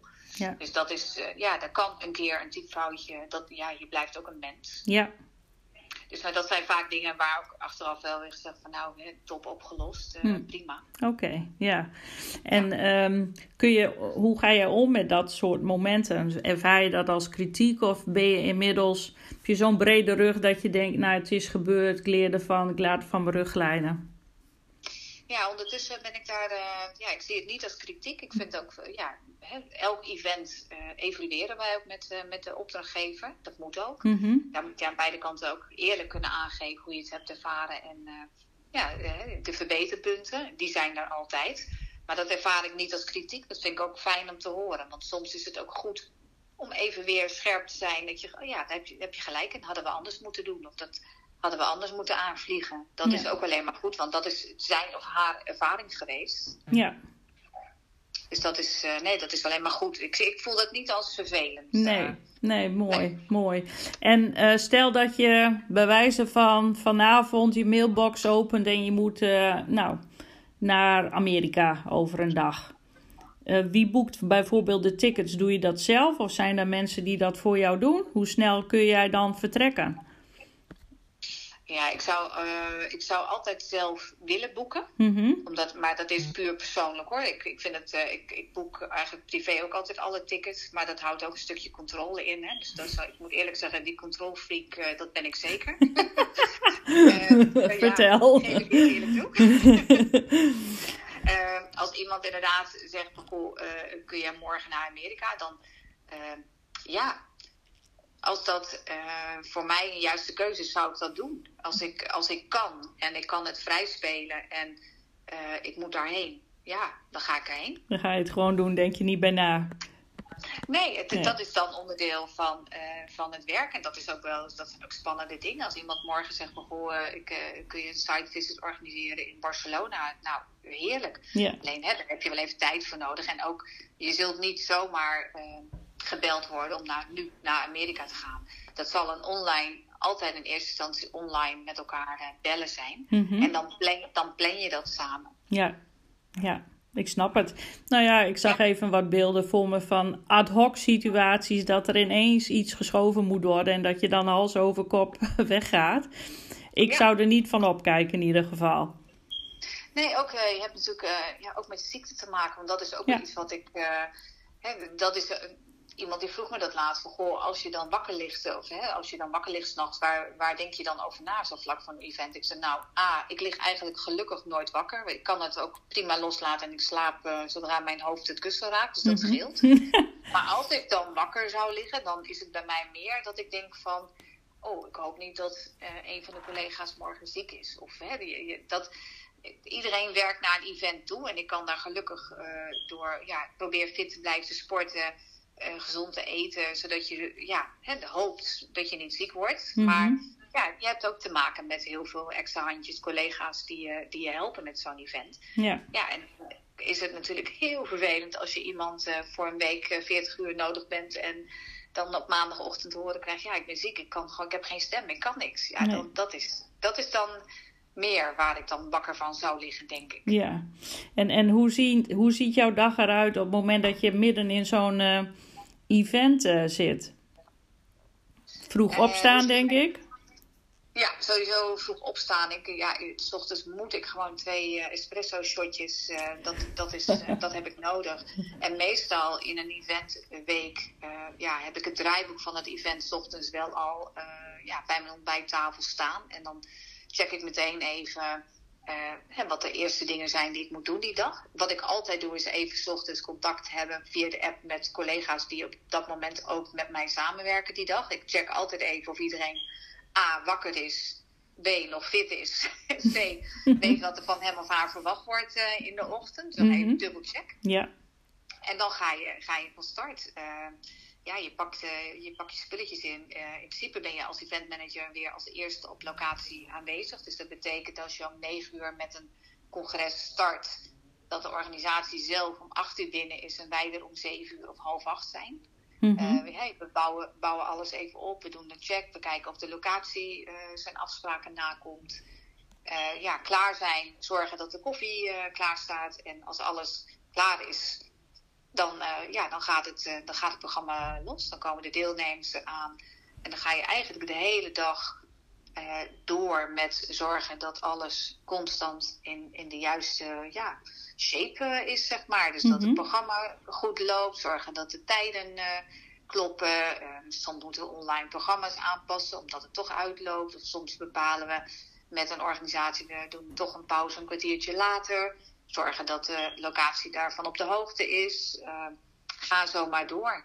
Stel dat een keynote uh, nog onderweg is en die zit vast uh, in de sneeuwstorm of de treinen rijden niet. Of, ja, dan moet je soms een keynote verplaatsen naar een middag en een andere spreker optrommelen, zijn bed uitbellen, kun jij een uurtje eerder? En dat soort zaken is dan, ja, kan gebeuren op, op zo'n dag. Maar heb je dat altijd paraat? Want soms overvalt je zoiets en heb je dan een lijstje bij van, oh, dan bel ik die speaker even, want hè? Hoe ja, werkt dat dan? Hebben wij, hebben maken wij voor elk event natuurlijk gewoon een intern draaiboek. En zoveel uitgebreider het event, zoveel dikker de draaiboeken worden. Mhm. Om een voorbeeld te nemen van de Winkler Printreunie hadden we op zes verschillende locaties een draaiboek nodig. En ik geloof dat ik zes keer 40 pagina's draaiboek had. Dus per locatie 40 pagina's met alles wat er van minuut tot minuut ja, moet gebeuren. Wow. Dus dat is, uh, kijk, op het moment dat we. We hebben natuurlijk alle gegevens van de sprekers die op een dag komen. We hebben e-mailadres, mobiele telefoonnummers. die worden geïnformeerd van tevoren. We weten dat ze in het land zijn, dat ze, waar ze vandaan komen. Dus op het moment dat zoiets gebeurt, dan gaan wij gewoon bellen. Kijken wat we kunnen regelen. Ja. Hm. Jij blijft, terwijl je het vertelt, heel erg kalm en rustig je verhaal doen. Ja. No panic? nee, ik, ja, nee, ik ben gelukkig uh, ja, vrij uh, rustig en ook niet, niet heel snel gestrest, gelukkig. Ja. Maar soms wel even aanpoten, maar dat weet je ook. Ja. dan, uh, op zo'n moment hoeft niet iemand mij te vragen van waar het toilet is. Dan denk ik, nou, dat, dat is even niet relevant. ja, want verander je dan ook in een monster? nee, Nee, okay. althans, ik zeg van niet. Misschien moet ik dat nog eens wat mijn uh, collega's waar ik mee gewerkt heb vragen, maar volgens mij niet. Uh, nee. Volgens mij blijf ik over het algemeen vrij rustig en ja. nog steeds aardig. Ja, nou ja, en ook al zou het wel een keer voorkomen, je bent uiteindelijk ook maar een mens. Maar ik kan me wel voorstellen dat als je zo onder druk staat en de focus hebt op uh, nou, wat er moet gebeuren, dat je dan niet altijd de aardigste kunt zijn.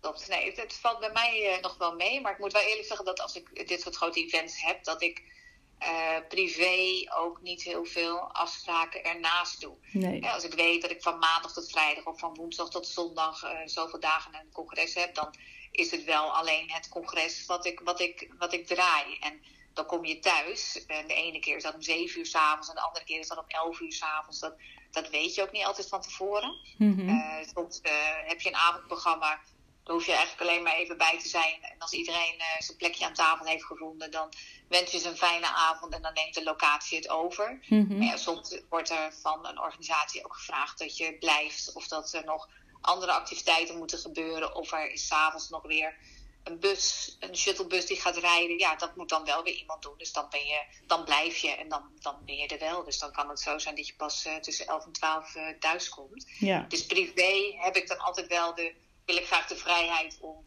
ja, gewoon mijn eigen week in te vullen. Ja. En ik zeg ook heel vaak tegen mijn, mijn vriend ook van nou, dat is een hele goede week om uh, even wat andere dingen te doen voor jou.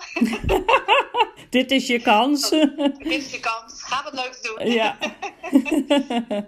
ja, dat gaat een beetje in overleg, maar dat is gewoon, dan, dan geef ik er wel altijd bij aan van nou, deze week heb je gewoon niks aan mij. Verwacht, niet, verwacht me niet met het eten. Ik, uh, ik ben gewoon aan het werk. En ja. Dat, uh, ja, dat is ook prima. Ja, leuk. En uh, wat is voor jou de drukste tijd? In een bepaald, is dat een bepaalde periode in het jaar of is dat heel wisselend? Het is op zich wel wisselend, maar heel vaak april. April is dan vaak een hele maart, april. Dat zijn echt wel congresmaanden. En ook oktober en november zijn ook hele drukke congresmaanden. Ja. En gek genoeg zitten wij ook altijd wel in de zomer dat wij uh, komend jaar ook in 2024 hebben ook eentje net aan het begin van de zomer en eind augustus ook weer drie dagen congres. Dus dat is ook wel heel vaak internationaal dat ze ervoor kiezen om dan een congres een beetje in de zomerperiode te doen, zodat ze er zelf ook vaak met, met een partner nog een paar dagen vakantie uh, aan vastplakken. Mm Dat zie je ook wel veel gebeuren. Ja, en wat voor type uh, events en congressen ben jij de event manager voor?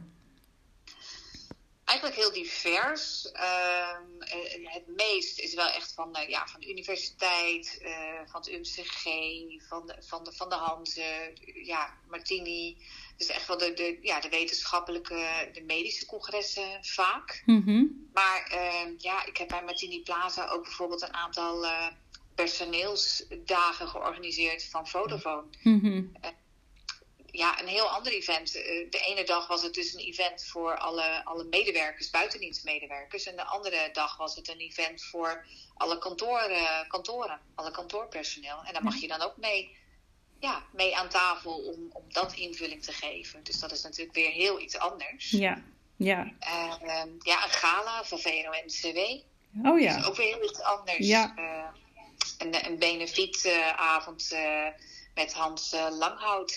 ja, weer totaal andere locatie. Moet, komt er heel veel andere zaken bij kijken. Dus het is wel heel divers. En ik vind het ook allemaal. Ik kan niet zeggen dat ik het een minder leuk vind als het ander. Het is, het is de afwisseling wat het juist zo leuk maakt. Ja, want dat zou inderdaad mijn vraag zijn: van heb je een bepaalde voorkeur?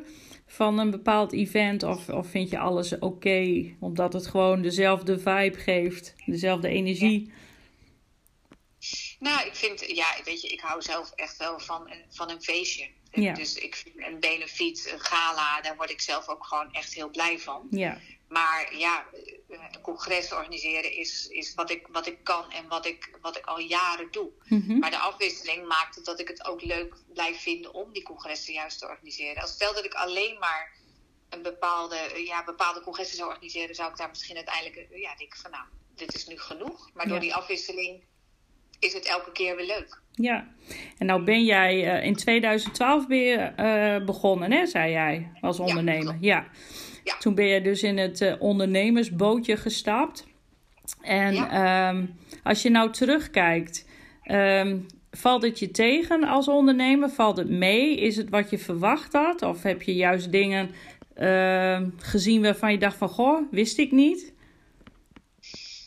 Uh, eigenlijk is het me meegevallen. Ik kom wel uh, uit een ondernemersgezin. Mm Dus ik ben er wel mee opgegroeid. Dus een bepaalde ja, een risico wat je loopt, uh, ja, dat doe je altijd. Maar ik ben ook opgevoed op de manier van, ja, weet je, je moet gewoon hard werken. En ja, dan kom je overal. Het komt altijd goed. Dus probeer het gewoon, doe het gewoon. En je ziet het wel. En ik ben wel van mening in het begin ja, je moet eerst laten zien wat je kunt. En gelukkig kon ik dat dus bij het congresbureau kon ik dat meteen laten zien. En dat ging, ja, het ging heel goed. En zo ben je dan langzaam je netwerk aan het uitbouwen. En iedereen die ziet het.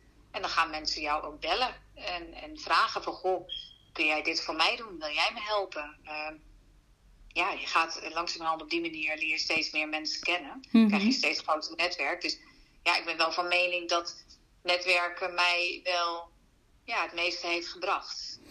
Ja, en eh, dat snap ik. En als je dat over het netwerken hebt, uh, hoe bedoel je dat precies? Want ik kan me voorstellen dat er luisteraars zijn die denken van ja, het allerbelangrijkste is natuurlijk nieuwe opdrachten, nieuwe klanten. Netwerken oké, maar, maar hoe kom je nou uiteindelijk dan tot een deal of, of iemand die met jou in zee wil gaan? Nou, ik ben zelf uh, van mening dat uh, netwerken uh, moet wel enigszins spontaan gebeuren. netwerken is voor mij, je gaat naar een, een bijeenkomst. Hè, er zijn er honderden waar je heen kunt. Je zoekt er een paar uit. niet eens specifiek op branche of iets dergelijks, maar gewoon, je wil gewoon mensen leren kennen. En dat, dat doe je door naar een, een bijeenkomst te gaan. Je hebt een netwerklunch of een netwerkborrel je, je komt aan de praat met, met andere, andere mensen, andere, ja, andere mensen waar je dan gewoon eigenlijk mee in gesprek komt en aangeeft wat je, wie je bent en wat je doet. Mhm. En ik ben van mening, als je dat doet en uh, ja, mensen geloven jou ook van en wat leuk en ze onthouden wie je bent, uh, wat ik vervolgens altijd doe na zo'n avond als ik iemand gesproken heb, dat ik altijd even op LinkedIn uh, meteen een connectie maak. Zodat je ook oh, ja. elkaar nog even weer ziet. En dan ook meteen even kunt kijken, goh, waar komt hij of zij? Wat doet hij? Waar komt hij vandaan? En het voelt ook meteen goed. Zeker als de ander dan ook dat meteen accepteert. Dan weet je, nou, er is een connectie. Mm En uh, ja, daarna is het toch wel... Dan ga ik er niet actief achteraan. Maar ja, ehm, je ziet elkaar nog eens een keer. En hij of zij, die zal, als hij een goed gevoel bij jou heeft, zal hij aan je denken. En althans, daar moet je dan van uitgaan. En zo is het wel een beetje in mijn, ja, in mijn leven zo uh, gelopen. Dat het toch wel dat mensen je weten te vinden. Ja, dus eigenlijk, ik hoor jou dus niet zeggen dat jij heel actief achter uh, potentiële leads ik vind dat zo'n raar woord, maar zo heet dat hè, tegenwoordig, leads. Warme leads en koude leads. Maar uh, ik hoor jou dus heel duidelijk zeggen dat jij eigenlijk niet echt op zoek bent naar, maar dat het eigenlijk vanzelf op jouw pad komt. Ja, en dat, dat is natuurlijk iets wat je van tevoren niet weet. Dus dat is wel, uh, als ik dan nu de afgelopen jaren bekijk, vanaf 2012 tot nu, is dat wel eigenlijk uiteindelijk het geval steeds geweest. Dat mensen jou weten te vinden omdat je ze hebt gesproken of via via heb je ze leren kennen en dat het gevoel goed is. En dan is het ook ik, ben, ik, ik wil geen harde verkoper zijn. Ik ga niet iemand bellen en zeggen van... Goh, we hebben elkaar gesproken, kan ik wat voor je doen? Het moet wel van twee kanten komen, is mijn mening. Ja. En alleen dan heb je gewoon ja, kans op uh, succes, ja. vind ik. Mm En weiger jij ook opdrachten? Uh, ja. Oké. Okay. Ja. en, en, heb je daar een voorbeeld van? Omdat het dan misschien, ja. niet, misschien niet past in de, in de planning. Want ik vind wel dat je, als je een bepaalde, ja, bepaald congres accepteert, bijvoorbeeld om te, om te organiseren, je weet ook precies wanneer de drukte is. En ik vind het dan niet netjes naar hè, de, de opdrachtgever die je al hebt, om dan te zeggen van nou, ik doe er ook nog even een eventje tussendoor. Want je weet uit ervaring dat het dan, ja, dat, dat je dan niet op beide de focus kunt hebben. Dus dat doe ik uit, uh, uit de overweging dan wel van nou, dit, dit moet ik gewoon niet doen, want dan worden beide klanten niet heel blij van. En dat gaat ook gewoon tegen je werk uiteindelijk. Mm Ja, dat, eh, dat begrijp ik. Maar dan is het eigenlijk uh, omdat je niet uh, op hetzelfde moment zeg maar twee events wil gaan doen. Klopt, en wat ik dan meestal doe is dat ik dan even met die persoon verder in gesprek raak. Goh, ik heb nog wel hè, een, een, aantal collega's bijvoorbeeld. Mm -hmm. En dan kan ik ook aangeven, goh, uh, meld anders, uh, ik geef je gegevens wel even door. Ik zorg even dat een collega van mij je wel belicht. Kunnen, kunnen zij uh, wel voldoen aan, aan de vraag? Oh ja. Oh, dat vind ik wel, wel heel mooi wat je zegt. Door gewoon open en eerlijk te zijn. En de klant verder te helpen door door te verwijzen. Nou ja, ik denk dat dat een heel mooi gebaar is. Wat uiteindelijk best in de toekomst ten gunste van jezelf zou kunnen komen dat denk ik ook. Maar zo werkt het ook gewoon. Maar je kunt het echt niet allemaal alleen. Nee. Dan, ja, zo werkt het niet. Dan heb ik liever dat een, een ja, een, een goede andere event manager dan uh, ja, een potentiële uh, klant. Van, hè, een volgende keer kan hij of zij mij weer bellen en dan kan ik wellicht wel. Ja. Zo werkt het natuurlijk ook. Ja. Je moet elkaar ook in dit vak moet je elkaar, je moet het met elkaar doen. Ja, elkaar wat gunnen. Ja, zeker. Ja. zeker. Nou is mijn persoonlijke ervaring uh, daar ben ik heel open over. Is dat ik uh, wel een beetje merk, en misschien heeft dat ook te maken met de economie. Het is best wel moeilijk. Ik begrijp dat het aanbod van freelancers best wel heel erg groot is. Uh, ja, dat gunnen, dat zie ik zo 1, 2, 3 even niet. Of uh, hoe zie jij dat? Klopt. Dat, nou ja, dat, ik zie dat ook weinig, laat ik het zo zeggen. Ja het is inderdaad wel heel veel uh, ja, allemaal naar zichzelf uh, toetrekken. Ja. Maar ja, ik, dat, dat, ik denk ook maar zo, weet je, dat is iemand anders en zo ben ik niet. Nee. Zo wil ik niet zijn en daar sta ik gewoon niet voor. Nee. Ik, ik hou van samenwerken. Je hebt elkaar toch vroeg of laat gewoon nodig. Ja. En uh, dat, dat zie ik ook in, in de stad Groningen met alle venues en alle, alle partijen die hier zijn waar we mee samenwerken voor als er een groot event is ja, de ene keer zegt een organisatie: we willen uh, het Prinsenhof afhuren en we willen een walking dinner. En de andere keer zegt ze van: uh, nou ja, we willen graag, we willen graag bij het Feithuis met, een, met een groot gezelschap diner doen. Maar het kan ook in het Forum, het kan ook. Het kan overal in de stad. Hè. We hebben zoveel locaties. Dus een klant bepaalt uiteindelijk wat hij wil. Ja. En wij gaan die klant daarmee helpen. Ja. En ja, natuurlijk zegt een ene, het ene restaurant, ja, ook eens bij geweest als je bij mij uh, zou komen. Ja, dat snap ik. Wil ik ook wel. Alleen mm -hmm. mijn klant bepaalt. Ja, ja, ja. Zo probeert natuurlijk iedereen uh, een graantje mee te pikken. Maar zeker, ik, ik ja, en dat is ook wel te begrijpen natuurlijk. Maar ik denk wel, hè, wat jij net schetst, als je elkaar de bal een beetje toespeelt.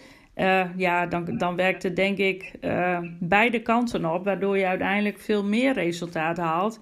In plaats van uh, in je eentje op een gouden ei te broeden, die maar niet uitkomt, want daar heb je uiteindelijk ook niks aan.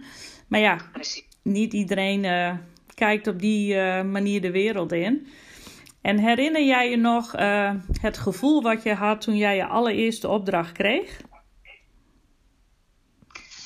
Ja, dat was, uh, was bij het Groningen Congresbureau. Uh, ja, dat was. Ik, ik moet heel eerlijk zeggen dat uh, dat event wat ik toen zeg maar meegeholpen heb in Noordwijk, dat voelt een beetje als mijn eerste event. Dat is mhm. natuurlijk niet zo, maar ze voelden dat een beetje. Mm het echte e eerste internationale event, dat was toen volgens mij voor Erza, als ik me niet vergis. Dat was met een foodtruck festival, twee locaties in de binnenstad, 800 man ja, echt uh, een draaiboek van uh, eh, 100 pagina's, bizar.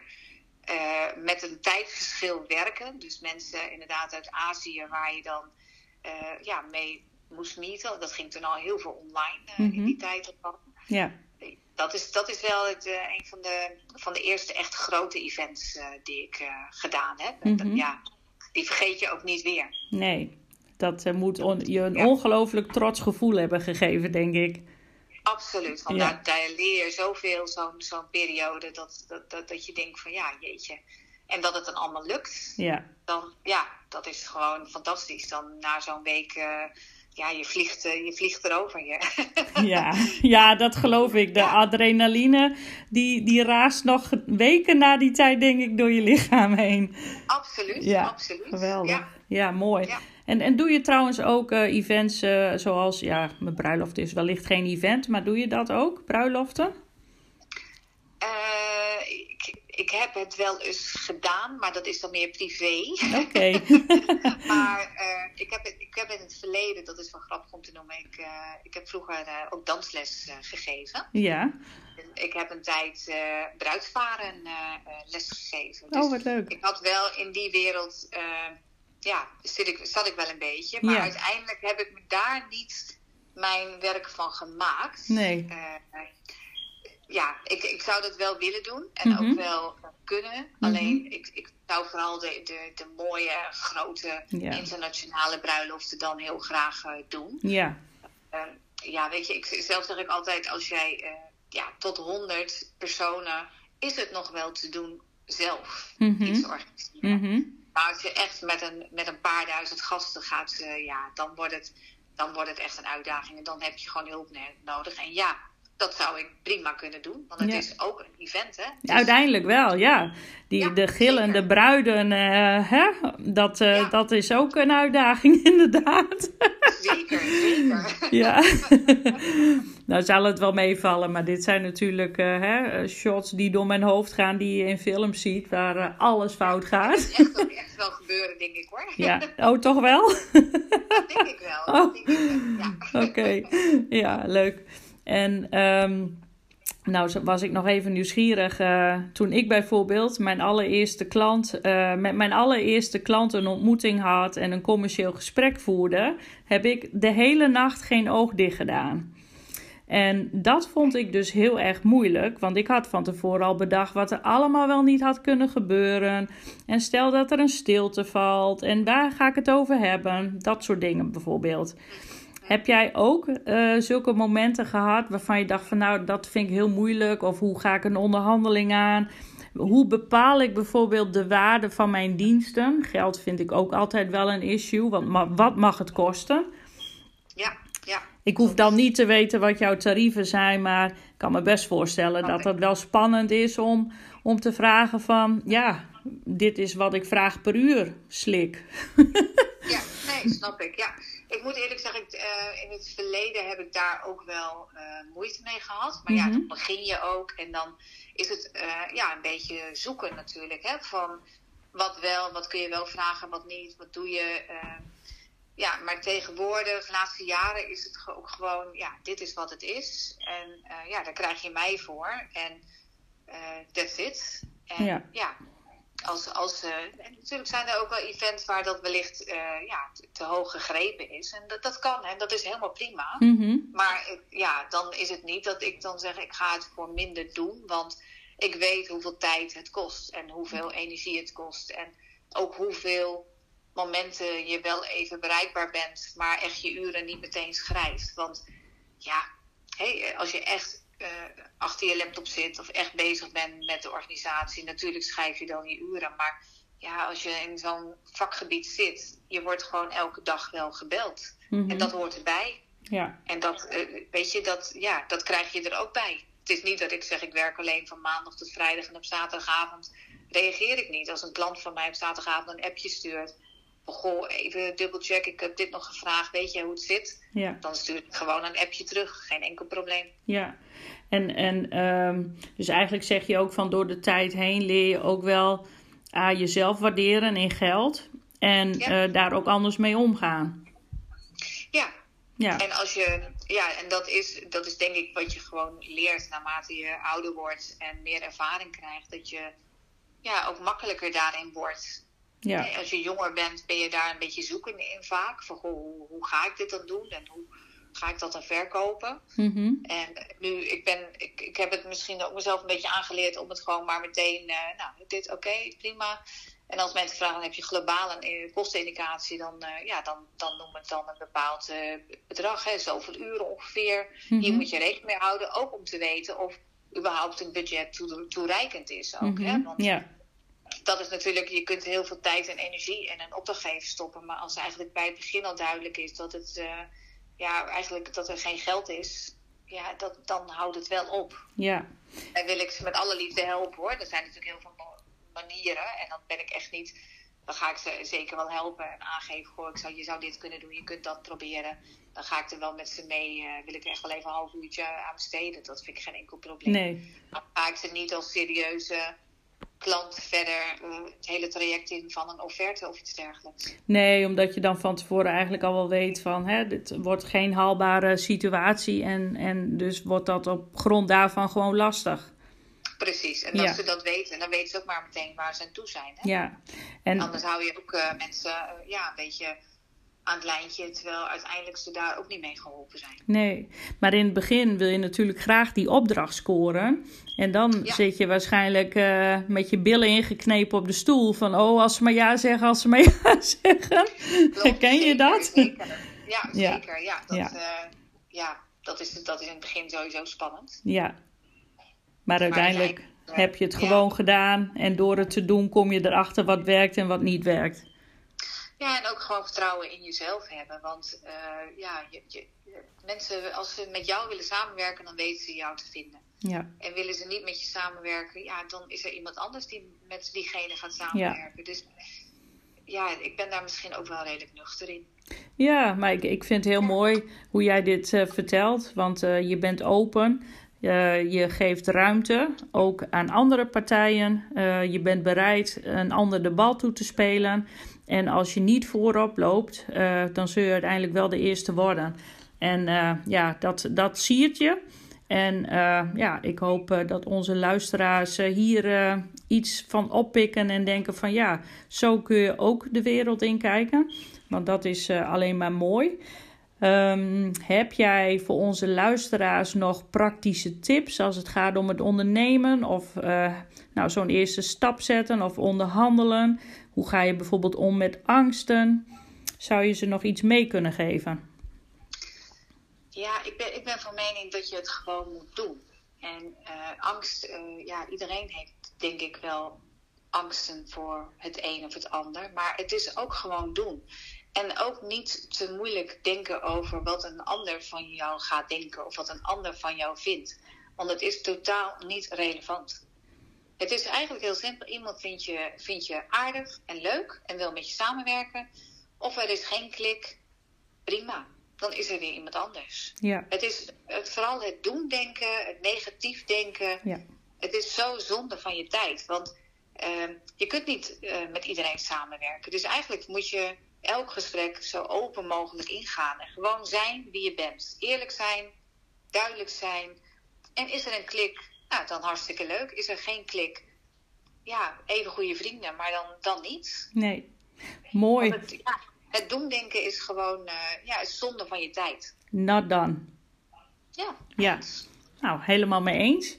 Ik uh, wil jou ontzettend uh, hartelijk danken, Erika, voor jouw mooie verhaal dat je met ons hebt willen delen. En uh, ja, lieve mensen, hiermee is dus alweer een einde gekomen aan deze podcast. En wil jij ook jouw backstage story delen? Of heb je vragen aan mij of aan Erika? Laat het ons weten. Voor nu zou ik willen zeggen: hartelijk dank voor het luisteren en tot de volgende backstage. Lieve groet van Ivana.